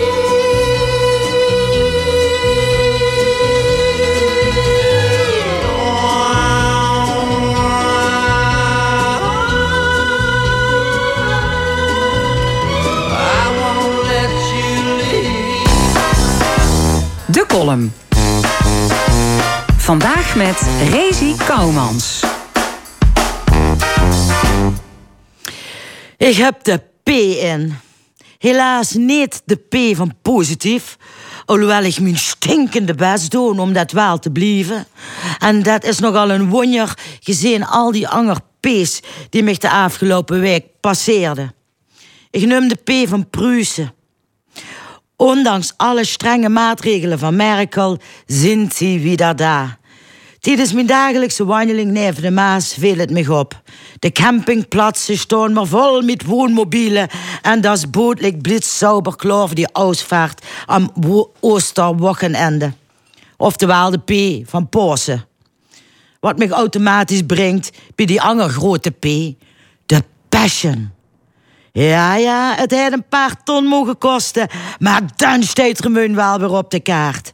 En wat was het prachtig. De beste uitvoering ever. En Jezus, wat hij Jezus goed. Zo emotioneel. En hij leed zelfs een echte maximatroon wie er zich aan bijen was op de heilige grond van het outlet. En ook Treintje Maria kreeg van de emotie geen om. Of kwam dat doordat het zich zo strak hij in laten snoeren in zijn kleed... dat het leep alsof het het kruids in de zette... en ondertussen zijn duur hoog hakken verzauwelde... op de kindercupjes van het Munsterplein. Een zwaar lot, wat menig remunch meidje... inclusief ongergetekende, ook het moeten ondergaan. Ik voelde helemaal met hem met. Maar Allah, hoe dan ook. De katholieke omroep heeft er wel alles aan gedaan dat haar volgers het kruid netjes toes op de bank virtueel kosten meedragen. Kijk, dat kent ze van die Urkers niet zeggen. Die moeten van hun God blijkbaar met 500 man tegelijk de kerk zitten. Anders, anders verheurt de hun gebeden niet. En zijn ze zelfs doet geweld in staat om dat recht te beschermen. Maar de witte donderdag sting ook nog in het teken van een ander P. Die P waar je nog het meeste P van in hebt. De P van politiek. Ja, ja, het mag het kosten, maar dan hup, staat Den Haag wel weer op de kaart. De beste uitvoering ever. En Jezus, wat was de Jezus goed. Hij leed zelfs een echte maximatron. Oh nee, nee, wacht, nee, natuurlijk niet. Hem raakt helemaal niks. Soms zou ik willen dat ik een klein beetje van onze premier had. Dat zo alles lekker neven me af kon glijden en dat ik me nergens meer aan kon herinneren. Maar van de andere kant maakt dat ons wel menselijk. Dat we, nog, dat we nog gevoel hebben en dat we van ons fouten kunnen leren. Eh, dat kan ze van de markt niet zeggen. Hij is wel een vakman. Hè? Als de politiek bedrijven een vak dan is hij de meester. De onbetwiste, zelf uitgeroepen messias. Hij was ongetwijfeld vroeger bij de JOVD het beste jongske van zijn debatklasje. Want het maakt niet uit, was ze zelf dings of vuls. Hè, Du kreeg een stelling en die moest ze beargumenteren en verdedigen. Wie dan ook, linksom of rechtsom. Mark is geen mens. Marks, Mark was zijn hein in onschuld. En hij duidt zijn stinkende best. Aan het kruids met hem.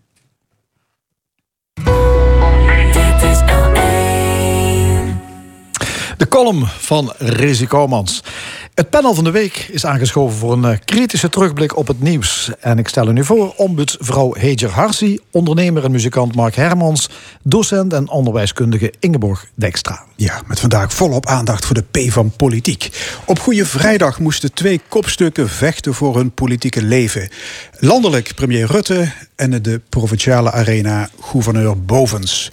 De laatste was de kop van Jut in een marathon-integriteitsdebat dat vrijdag verder gaat.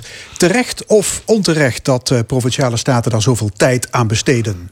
Ja, ik Mark vond, Hermans? ja, als ik daar even als eerste op mag reageren. Ik vond het wel uitermate interessant om dat allemaal te zien. Zelfs voor mensen die helemaal niks van politiek eh, willen weten of zo, waren dit gewoon eh, ja, topdagen. Je hebt, het je hebt het gevolgd. ja, ik vond het echt topamusement, om het zo maar eens te zeggen. Want daarvoor ga je eigenlijk eh, stemmen. Hè. Je wil gewoon zien wat er met jou gebeurt, hè, met, met, met, met jouw stem. Hè. En daar staan de mensen die je net hebt gekozen... dan in het geval van de Tweede Kamer... of de mensen van het Limburgs parlement... die hebben een controlerende rol. En eigenlijk zijn de overeenstemmingen met beide discussies... eigenlijk heel erg, eh, liggen eigenlijk een beetje voor de hand. Want het gaat de hele tijd om de rol van een parlement... richting regeerders, bestuurders. En de parlementariërs die willen graag informatie. En die krijgen niet de juiste informatie... en zijn er redelijk gefrustreerd door. En doordat ze die informatie niet krijgen... of die komt te laat, of die is zwart gekalkt... of die heeft 14 dagen ergens op het bureau gelegen... eh, ontstaat een stukje frustratie. En ja, het is eigenlijk heerlijk om te zien hoe dat spel zich dan ontwikkelt. Ja, is dat complimenteus bedoeld als je die debatten amusement noemt? Ja, nou nee, eh, ja, dit, is noodzakelijk amusement. Ik vind, ik vind dat dit gewoon fantastisch is. Dat je tegenwoordig dat gewoon in de coronatijd live kan volgen. Hoe onze bestuurders, en we hebben er in Nederland maar 150. Hè, van de 17 miljoen mensen zijn er 150 mensen. Die controlerende taak hebben richting regering. Hoe die hun werk doen. Ingeborg Dijkstra, heb je dat ook zo ervaren als noodzakelijk amusement? Nee, wel als noodzakelijk. En ook fantastisch dat we eh, veel meer kunnen zien wat er gebeurt. Eh, zowel op donderdag als op vrijdag was natuurlijk alles live te volgen. Maar ik, eh, ik heb er buikpijn van gehad. En ehm, dus voor mij was het geen amusement. Maar ja, dankbaar voor de mogelijkheden. Waarom buikpijn? Nou, ik was echt. Ja, ik ben soms ook zo naïef als een deur, dat weet ik ook. Maar, en, en ik wist ook natuurlijk, dit kwam niet helemaal als een verrassing. Maar na donderdag was ik zo murf geslagen dat ik vrijdag weinig energie over had om die van de provinciale staat te kijken. Omdat je echt ook ziet. Ja, ik probeer zo integer mogelijk te zijn in mijn eigen leven. En als ik dan zie hoe mensen draaien en konkelen. En dat was voor mij te veel van het gooien. Ik ben ook veel te laat naar bed gegaan. Nou, dus ik moest echt vrijdag eh, even schakelen. Ik heb eh, gisteren nog maar even wat teruggekeken. Om hier dan nog wat zinnigs te kunnen zeggen. Maar eh, dit zit mij niet lekker. Dat raakt me gewoon op persoonlijk niveau. Heger Harzi, Ja, de ik derde aan vond het eh, tafel. inderdaad amusement. Heb je het dan over het over de- statendebat over, vrijdag? over Limburg, ja, Limburg, inderdaad. oké. Mijn god, waar is de oppositie? Weet je wie de oppositie is? Is de krant. Waar zijn de volksvertegenwoordigers? Jarenlang, jarenlang. We stemmen op hun en ze zien niks en ze melden niks. Opeens op vrijdag, hoppa, zijn ze volksvertegenwoordigers en gaan ze controlerende rol eh, doen. Waar waren ze? Waar waren ze? Ook de CDA-leden, waar waren ze? Waarom nadat de krant iets heeft onthuld, gaan hun zeggen: Oh jee, gedeputeerde, kom eens hier. Eh, gouverneur, kom eens hier. Wat hebben jullie gedaan? Waar zijn jullie twee jaar lang? Of hoe lang, zijn, of hoe lang zitten ze daar? Wat doen ze? Een volksvertegenwoordiger die moet zijn controlerende taak uitvoeren. Als hij iets hoort of ziet, het beleid komt onder zijn handen. Subsidie, huppelepup, ga daar naartoe. Ga daar vragen over stellen. En kom niet op vrijdag. Het heeft me niet geïnteresseerd vrijdag. Het is een spel. Dat is de minderwaardigheid naar de burger toe.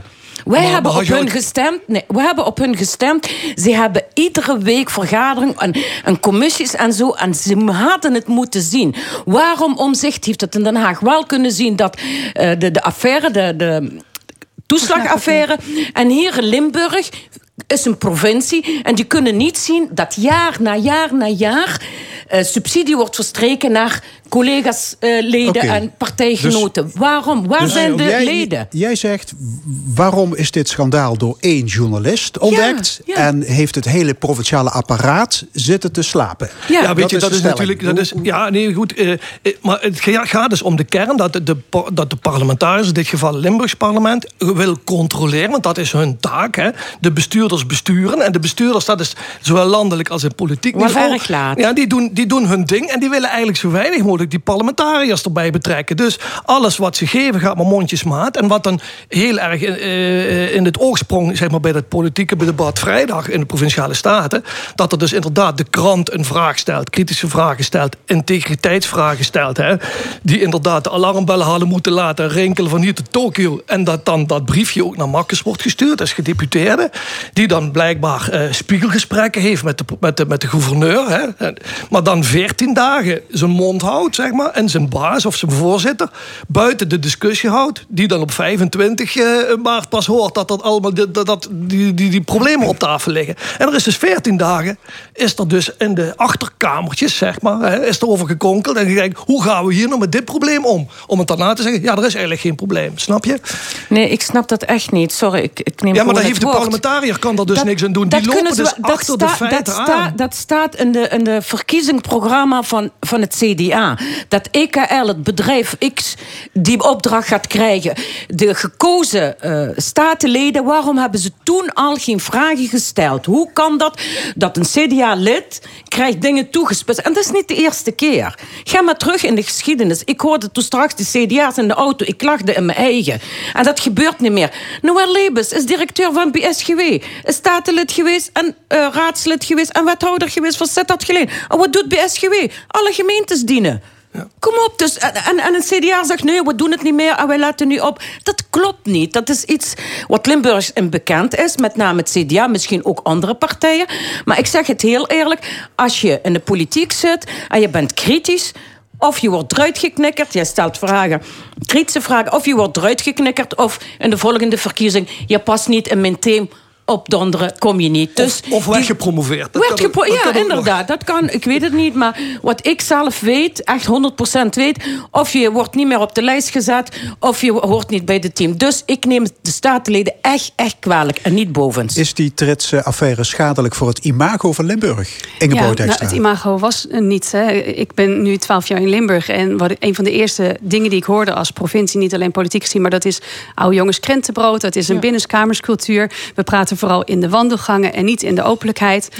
Ik vind het jammer om te zien, en dat, dat raakt me gewoon echt, om te zien dat dit eigenlijk het zoveelste voorbeeld is. Want dit is inderdaad niet nieuw. Hè. We hebben hier al een paar maanden geleden gezeten over iets met eh, bijvoorbeeld Ger Koopmans. Het is hele integriteit is gewoon een ding in Limburg. En dat, dat is ingewikkeld. Ja. Maar welke schade zou dan kunnen worden aangericht? Een Nou, het vertrouwen in de ja. Ik bedoel, de, Ja, de en- toeristen blijven komen. Er is Ja, geen kamer dat- meer te vinden Dat is het dit voordeel paas- van Limburg. Limburg is wel de mooiste provincie eh, van, van Nederland. Maar voor de cultuur, om daar, ja, daar, daar moet het een en ander veranderen. En het vertrouwen in de politiek is al aan het nou ja, zakken.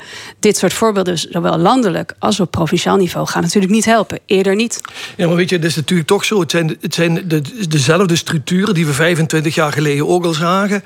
Waar heel veel al aan is, is gewerkt, aan mee is gebeurd. Maar blijkbaar nog steeds af en toe weer als rijpe puisten openbarsten. En er komen weer heel veel pus uit. En dat zijn eigenlijk elke keer weer eh, douceurtjes of vriendendienstjes. Of eh, iemand krijgt een leuke, leuke nieuwe betrekking. Of allemaal die dingetjes van het ons kent ons gebeuren. En dat is eigenlijk de structuur van de oude macht, zou ik maar zeggen. En waar we nu ook in de Tweede Kamer van hebben, eerste keer hebben een beetje kunnen proeven. Dat heel breed, zeg maar, de, de, de, nieuwe, de nieuwe Kamerleden en de nieuwe fracties met elkaar een bondje eh, sluiten. Hè. Thierry Boudet die met GroenLinks eh, opeens heel vriendelijk zegt van ja, ja, collega, jij kunt het goed verwoorden. Ik, wist niet wat ik zag in dat, dat debat.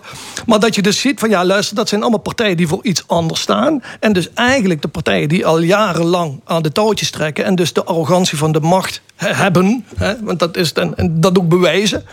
Dat, die, dat daar aan de poten wordt gezaagd nu. En dat dat eigenlijk langzamerhand gaat imploderen, denk ik. Dat gaat een keer afgelopen zijn. Twee CDA-gedeputeerden zijn opgestapt. Vinden jullie dat dat extra parlementaire construct in stand moet blijven? Ingeborg, heb je daar een opvatting over? ehm, het, het laatste wordt natuurlijk nog niet gesproken, maar ik denk een beetje hetzelfde zoals ik ook snap dat er gekozen was eh, om eh, het demissionair kabinet in stand te houden vanwege de urgentie voor beslissingen die genomen moeten worden, maar niet zonder slag of stoot. Ik zit natuurlijk niet in, die, eh, in de Staten, maar ik, ik zou me voor kunnen stellen dat het kan. Maar ik ben ook blij dat er nog over gesproken wordt aanstaande vrijdag om te kijken van hoe het verder gaat. Maar ja, zowel op provinciaal als landelijk niveau zeg ik laat ze even blijven zitten waar ze zitten. Wel zonder Mark Rutte, wat mij betreft. Om die, maar wel dat er in ieder geval beslissing dat we door kunnen gaan. Want het gaat heel lang duren om in beide gevallen een nieuwe eh, regeringen te vormen, kabinet. Ja. ik ben er wel heel erg voor om buiten regeerakkoorden om zeg maar in de, alles al binnen vier jaar wordt dichtgetipperd tot op het kleinste niveau te gaan regeren en veel meer per onderwerp te gaan kijken wie is ervoor dat dan de democratie veel meer geholpen wordt en ook de oppositie veel meer inbreng kan hebben. Je kunt als het Heb ware je het over landelijk of landelijk, maar ook zeg maar in Limburg, want het is eigenlijk hetzelfde bij een ex-parlementair eh, eh, eh, eh, Contro- constructie constructie. heet dat. Dat je dus buiten, buiten zeg maar, een dichtgetimmerde meerderheid Ja. Ja. eh, Maar- gaat zoeken van hoe ga je het per onderwerp aan. En Maar ik als je vind dat kijkt wat er, wat er nu van het college over is... Ja. één van de VVD, één van de PVV...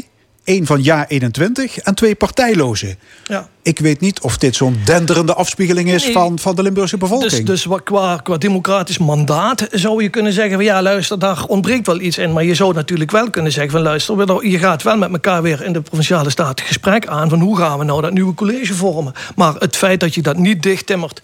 Per, per, per, per decreet van tevoren. Hè, eh, en dat je dus veel meer ruimte biedt aan de discussies gedurende de jaren die daarop eh, volgen, zou ik maar zeggen, vind ik wel een verfrissende, verfrissende kijk en de, een vernieuwing ook voor de democratie. Want Limburg staat Ja. uniek in. Ja, en ik heb, als je even dat andere vergeet, zie je ook dat het best redelijk heeft gewerkt. En dat per voorstel dan ook gewoon verschillende meerderheden gekozen worden. En dan zou je kunnen zeggen, dat leek dan meer over de inhoud te gaan dan over eh, allerlei constructen die vooraf gevormd waren. Dus ik vind dat wel uniek en ook iets waar we mogelijk mee door kunnen gaan. En mogelijk misschien heel, over het hele land zouden kunnen uitbreiden. Ja. Ja, het ging natuurlijk ook over de positie van de gouverneur, van Theo Bovens. Ehm, ja, het lijkt alsof zijn positie niet in gevaar is. Eh, zijn er redenen voor jullie om Bovens weg te sturen? Ja, voor mij niet eerlijk gezegd. Want, ja, voor mij niet. Want eh, eh, als, je, als je moet. Ja, eh, hij heeft fouten gedaan, inderdaad. Dan wachten we even af volgende week wat daar, wat daar gaat uitkomen. Maar het, het heeft meer. De, de, de gedeputeerden, moeten we heel eerlijk zijn, die hebben een bepaalde macht. Echt waar. Met name CDA, Gert Kopmans kennen we allemaal met z'n allen. Hij is portefeuillehouder subsidie. Eh, hij hij heeft de coalitie gevormd. De, de, ehm, het beleid heeft hij gevormd. Op wit. Dus als één zijn verantwoordelijkheid moet nemen, is Gert Kopmans. En dat heeft hij gedaan. Zeg je nu eigenlijk eh, de, de gouverneur is te onbeduidend eh, om, om aan te pakken? Nee, niet onbeduidend, maar eh, hij moet niet zo hard gestraft worden. Hij, hij, hij moet lessen van trekken. Hij moet gaan zeggen van oké, ik had ja, hetzelfde als Rutte. Ik had beter moeten luisteren, ik had beter moeten opletten. Maar het weggaan, dan, dan is dat... Is dat kijk, het, VVD is de enige met ervaring. De rest zijn allemaal mensen met... Ja, PVV, hoe lang regeren die? Niet zo lang. Ja, 21, ook niet zo lang. Die twee partijlozen, ja, Carla... Misschien wel een beetje.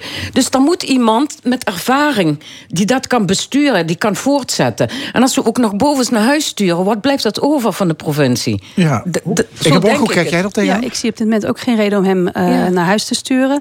Ook omdat ik, eh, wat jij ook zei, van qua verantwoordelijkheid, dat je echt wel kijkt van wat is wiens verantwoordelijkheid. En natuurlijk heeft hij als gouverneur de overal verantwoordelijkheid als hè, hoeder van de integriteit, zullen we maar zeggen.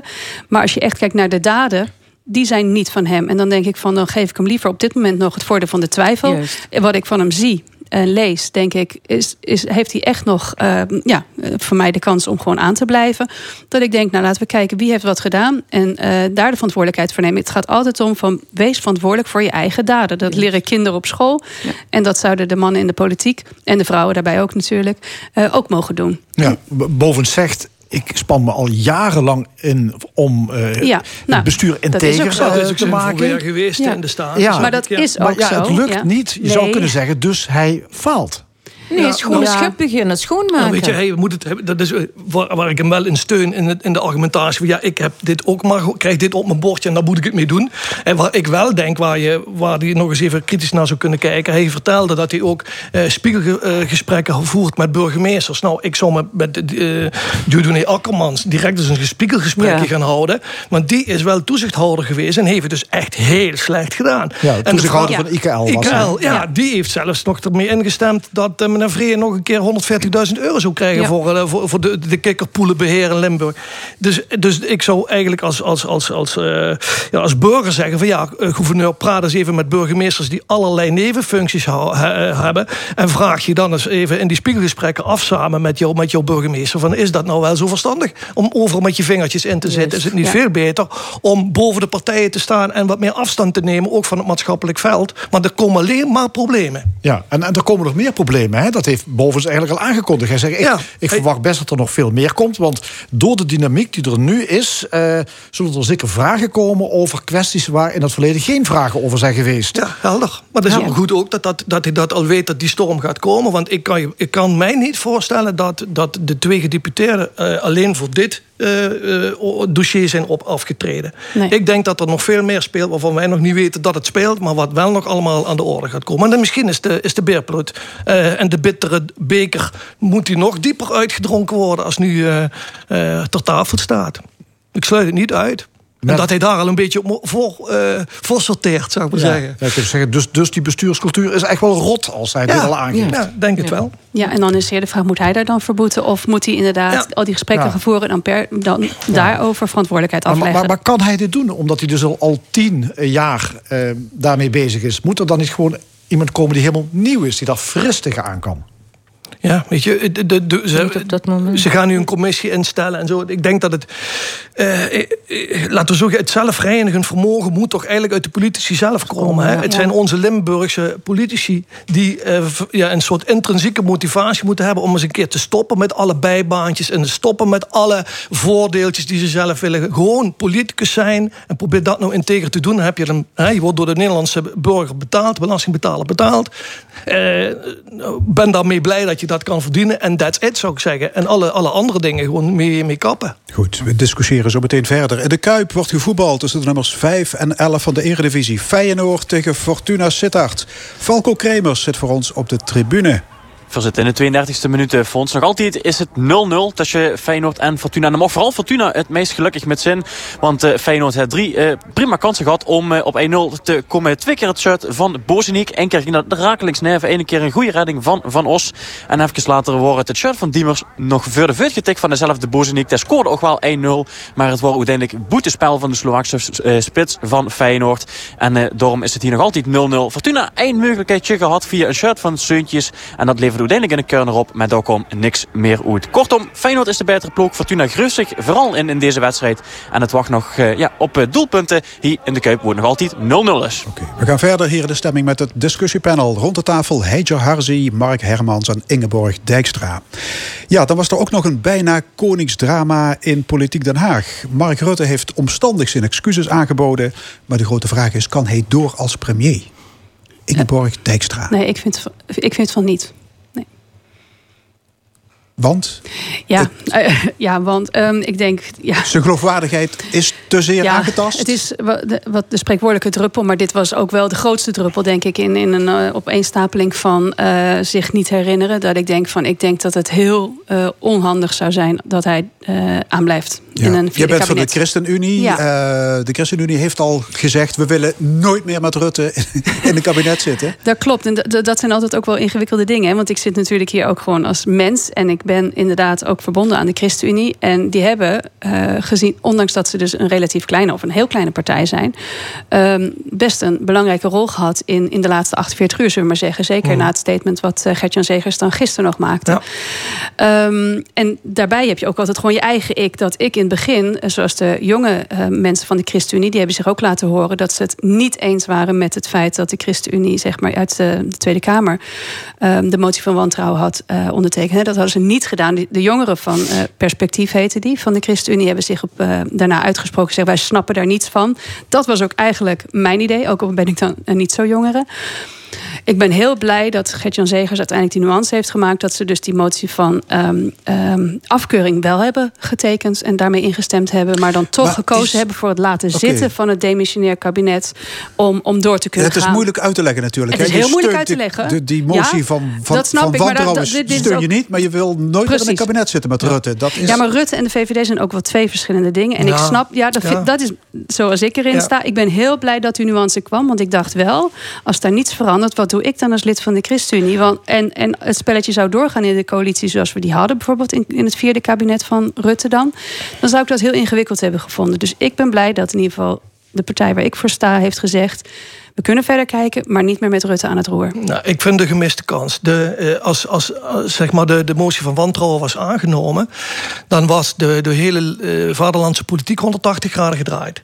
Dan was de, had Sigrid Kaag had echt de, de, de sleutel in handen om echt het nieuwe leiderschap te bewijzen. En dan was zij zeg maar in een positie gekomen die ze nou niet meer gaat krijgen. Ze heeft nou de kans laten lopen. En eh, Rutte is een, een kat met tien levens, die gaat, die gaat gewoon weer door. En eh, de, de, de, iedereen gaat weer aanhaken. Dat is mijn, eh, mijn inschatting. Maar ik denk dat het, het had historisch kunnen zijn, maar het is het niet geworden. Doordat eh, dat er dus eigenlijk een soort, in mijn ogen, een halfslachtige oplossing is gekomen. Want een demissionair kabinet in stand houden, wat toch al demissionair is, met andere woorden. Ja, die hoeven alleen maar besluiten uit te voeren, zal ik maar zeggen. Die hoeven niets nieuws meer te bedenken. Ja, ik bedoel, eh, is dat dan zo erg om dat eh, niet te steunen? Ja, Maar Rutte zegt steeds, ik blijf, want ik heb een groot mandaat van de kiezer. 1,9 miljoen mensen hebben op mij gestemd. Hey, Totaal met, totaal met hem eens. Heel veel mensen en partijen wouden afrekenen met tien jaar Rutte. Het is niet gelukt via de stembus, dan doe maar onders. Want ik schrok die dag. ChristenUnie, jaren in, jaren uit, met Rutte. De tv, Ja, dat is niet waar. de- Alleen de, de. TV-deal. Ja. De evid- eh, eh, dividendenbelasting. Dividendenbelasting. afschaffing van de... Ja, de, eh, hoe heet dat? De toeslagaffaire. Ja?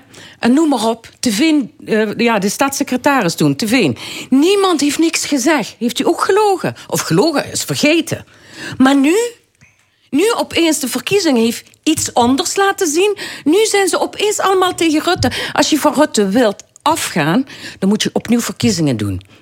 En wat gaan we krijgen? Veel meer extreem of rechts of extreem rechts. 40, 45.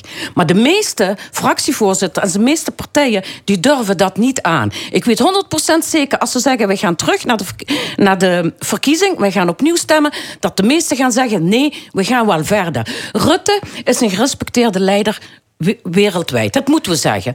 We zitten in een pandemie, we zitten in een crisis en hij heeft ons echt goed weten te leiden. Ik vond het zo vreemd en zo raar van D66. Die hebben meegekregen, de memo, het verslag.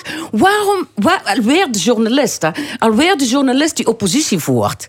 Waarom moet dat via een journalist? Waarom heeft ehm, Katja niet gezegd, premier of Mark, of hoe ze hem ook noemt, wat betekent dat? Wat is dat? Wat gebeurt er met onze collega? Wat, gebeurt, wat bedoelt hij met omzicht? Het is weer een kritisch Kamerlid die hop moet weg. Dat gebeurt bij raadsleden, dat gebeurt overal. Ehm Je zit, speelde, je, zit, je speelde net op nieuwe verkiezingen, hè? Ja. Is er een kans dat het daarop uitloopt? Ik zie, wat ik zie dat jullie? helemaal niet, eerlijk gezegd. Want ik bedoel, eh, kijk, eh, eh, nu, nu is het zo dat, dat, dat ChristenUnie dus de VVD uitsluit. Maar ja, eh, de VVD Nee, die bijvoorbeeld... sluiten Mark Rutte uit. Of Mark, Mark Rutte uit, Linksom, ja. rechtsom, VVD is nummer één. Daar kunnen we Ja, niet nee, omheen. Dat is democratie. De burger heeft gesproken. Die heeft de ChristenUnie klein gemaakt. Die heeft D66 groter gemaakt. En die heeft de VVD als eerste gemaakt. Mijn partij is ook Nee, maar dat dus... verslingd. nee, is ook kleiner geworden. Ja, dus Daar kunnen is we ook niks kleiner geworden, Kan, maar- kunnen we niks meer aan doen. Hadden ze ook groter kunnen worden, maar die zijn niet geworden. Nee, maar kijk, Ik vind hebben- het echt een draai van een coalitie waar je vier jaar lang mee door één deur gaat. En opeens motie van wantrouwen steun je, Je niet. vindt het een soort En het verraad tweede- dan, zeg maar. Je vindt het een soort verraad. Ja, ja, van een christenen wel. Ja, Ja, ja, ja. Want juist met Pasen, de dag van bezinning en van rust, niet vergeven en vergeten, nee. God vergeeft wel, maar ik vergeef niet. En ik zeg, ik doe met... Dat is chantage. Maar met Rutte niet. Rutte heeft gewonnen. En dat moeten we met z'n allen meedoen. Accepteer je dat niet, ga weer terug Maar naar heeft het hij niet zijn, recht gewoon verspeeld om zeg maar, de leider te Dat heeft hij leiding vaak te gedaan. nemen? Dat heeft hij heel vaak gedaan.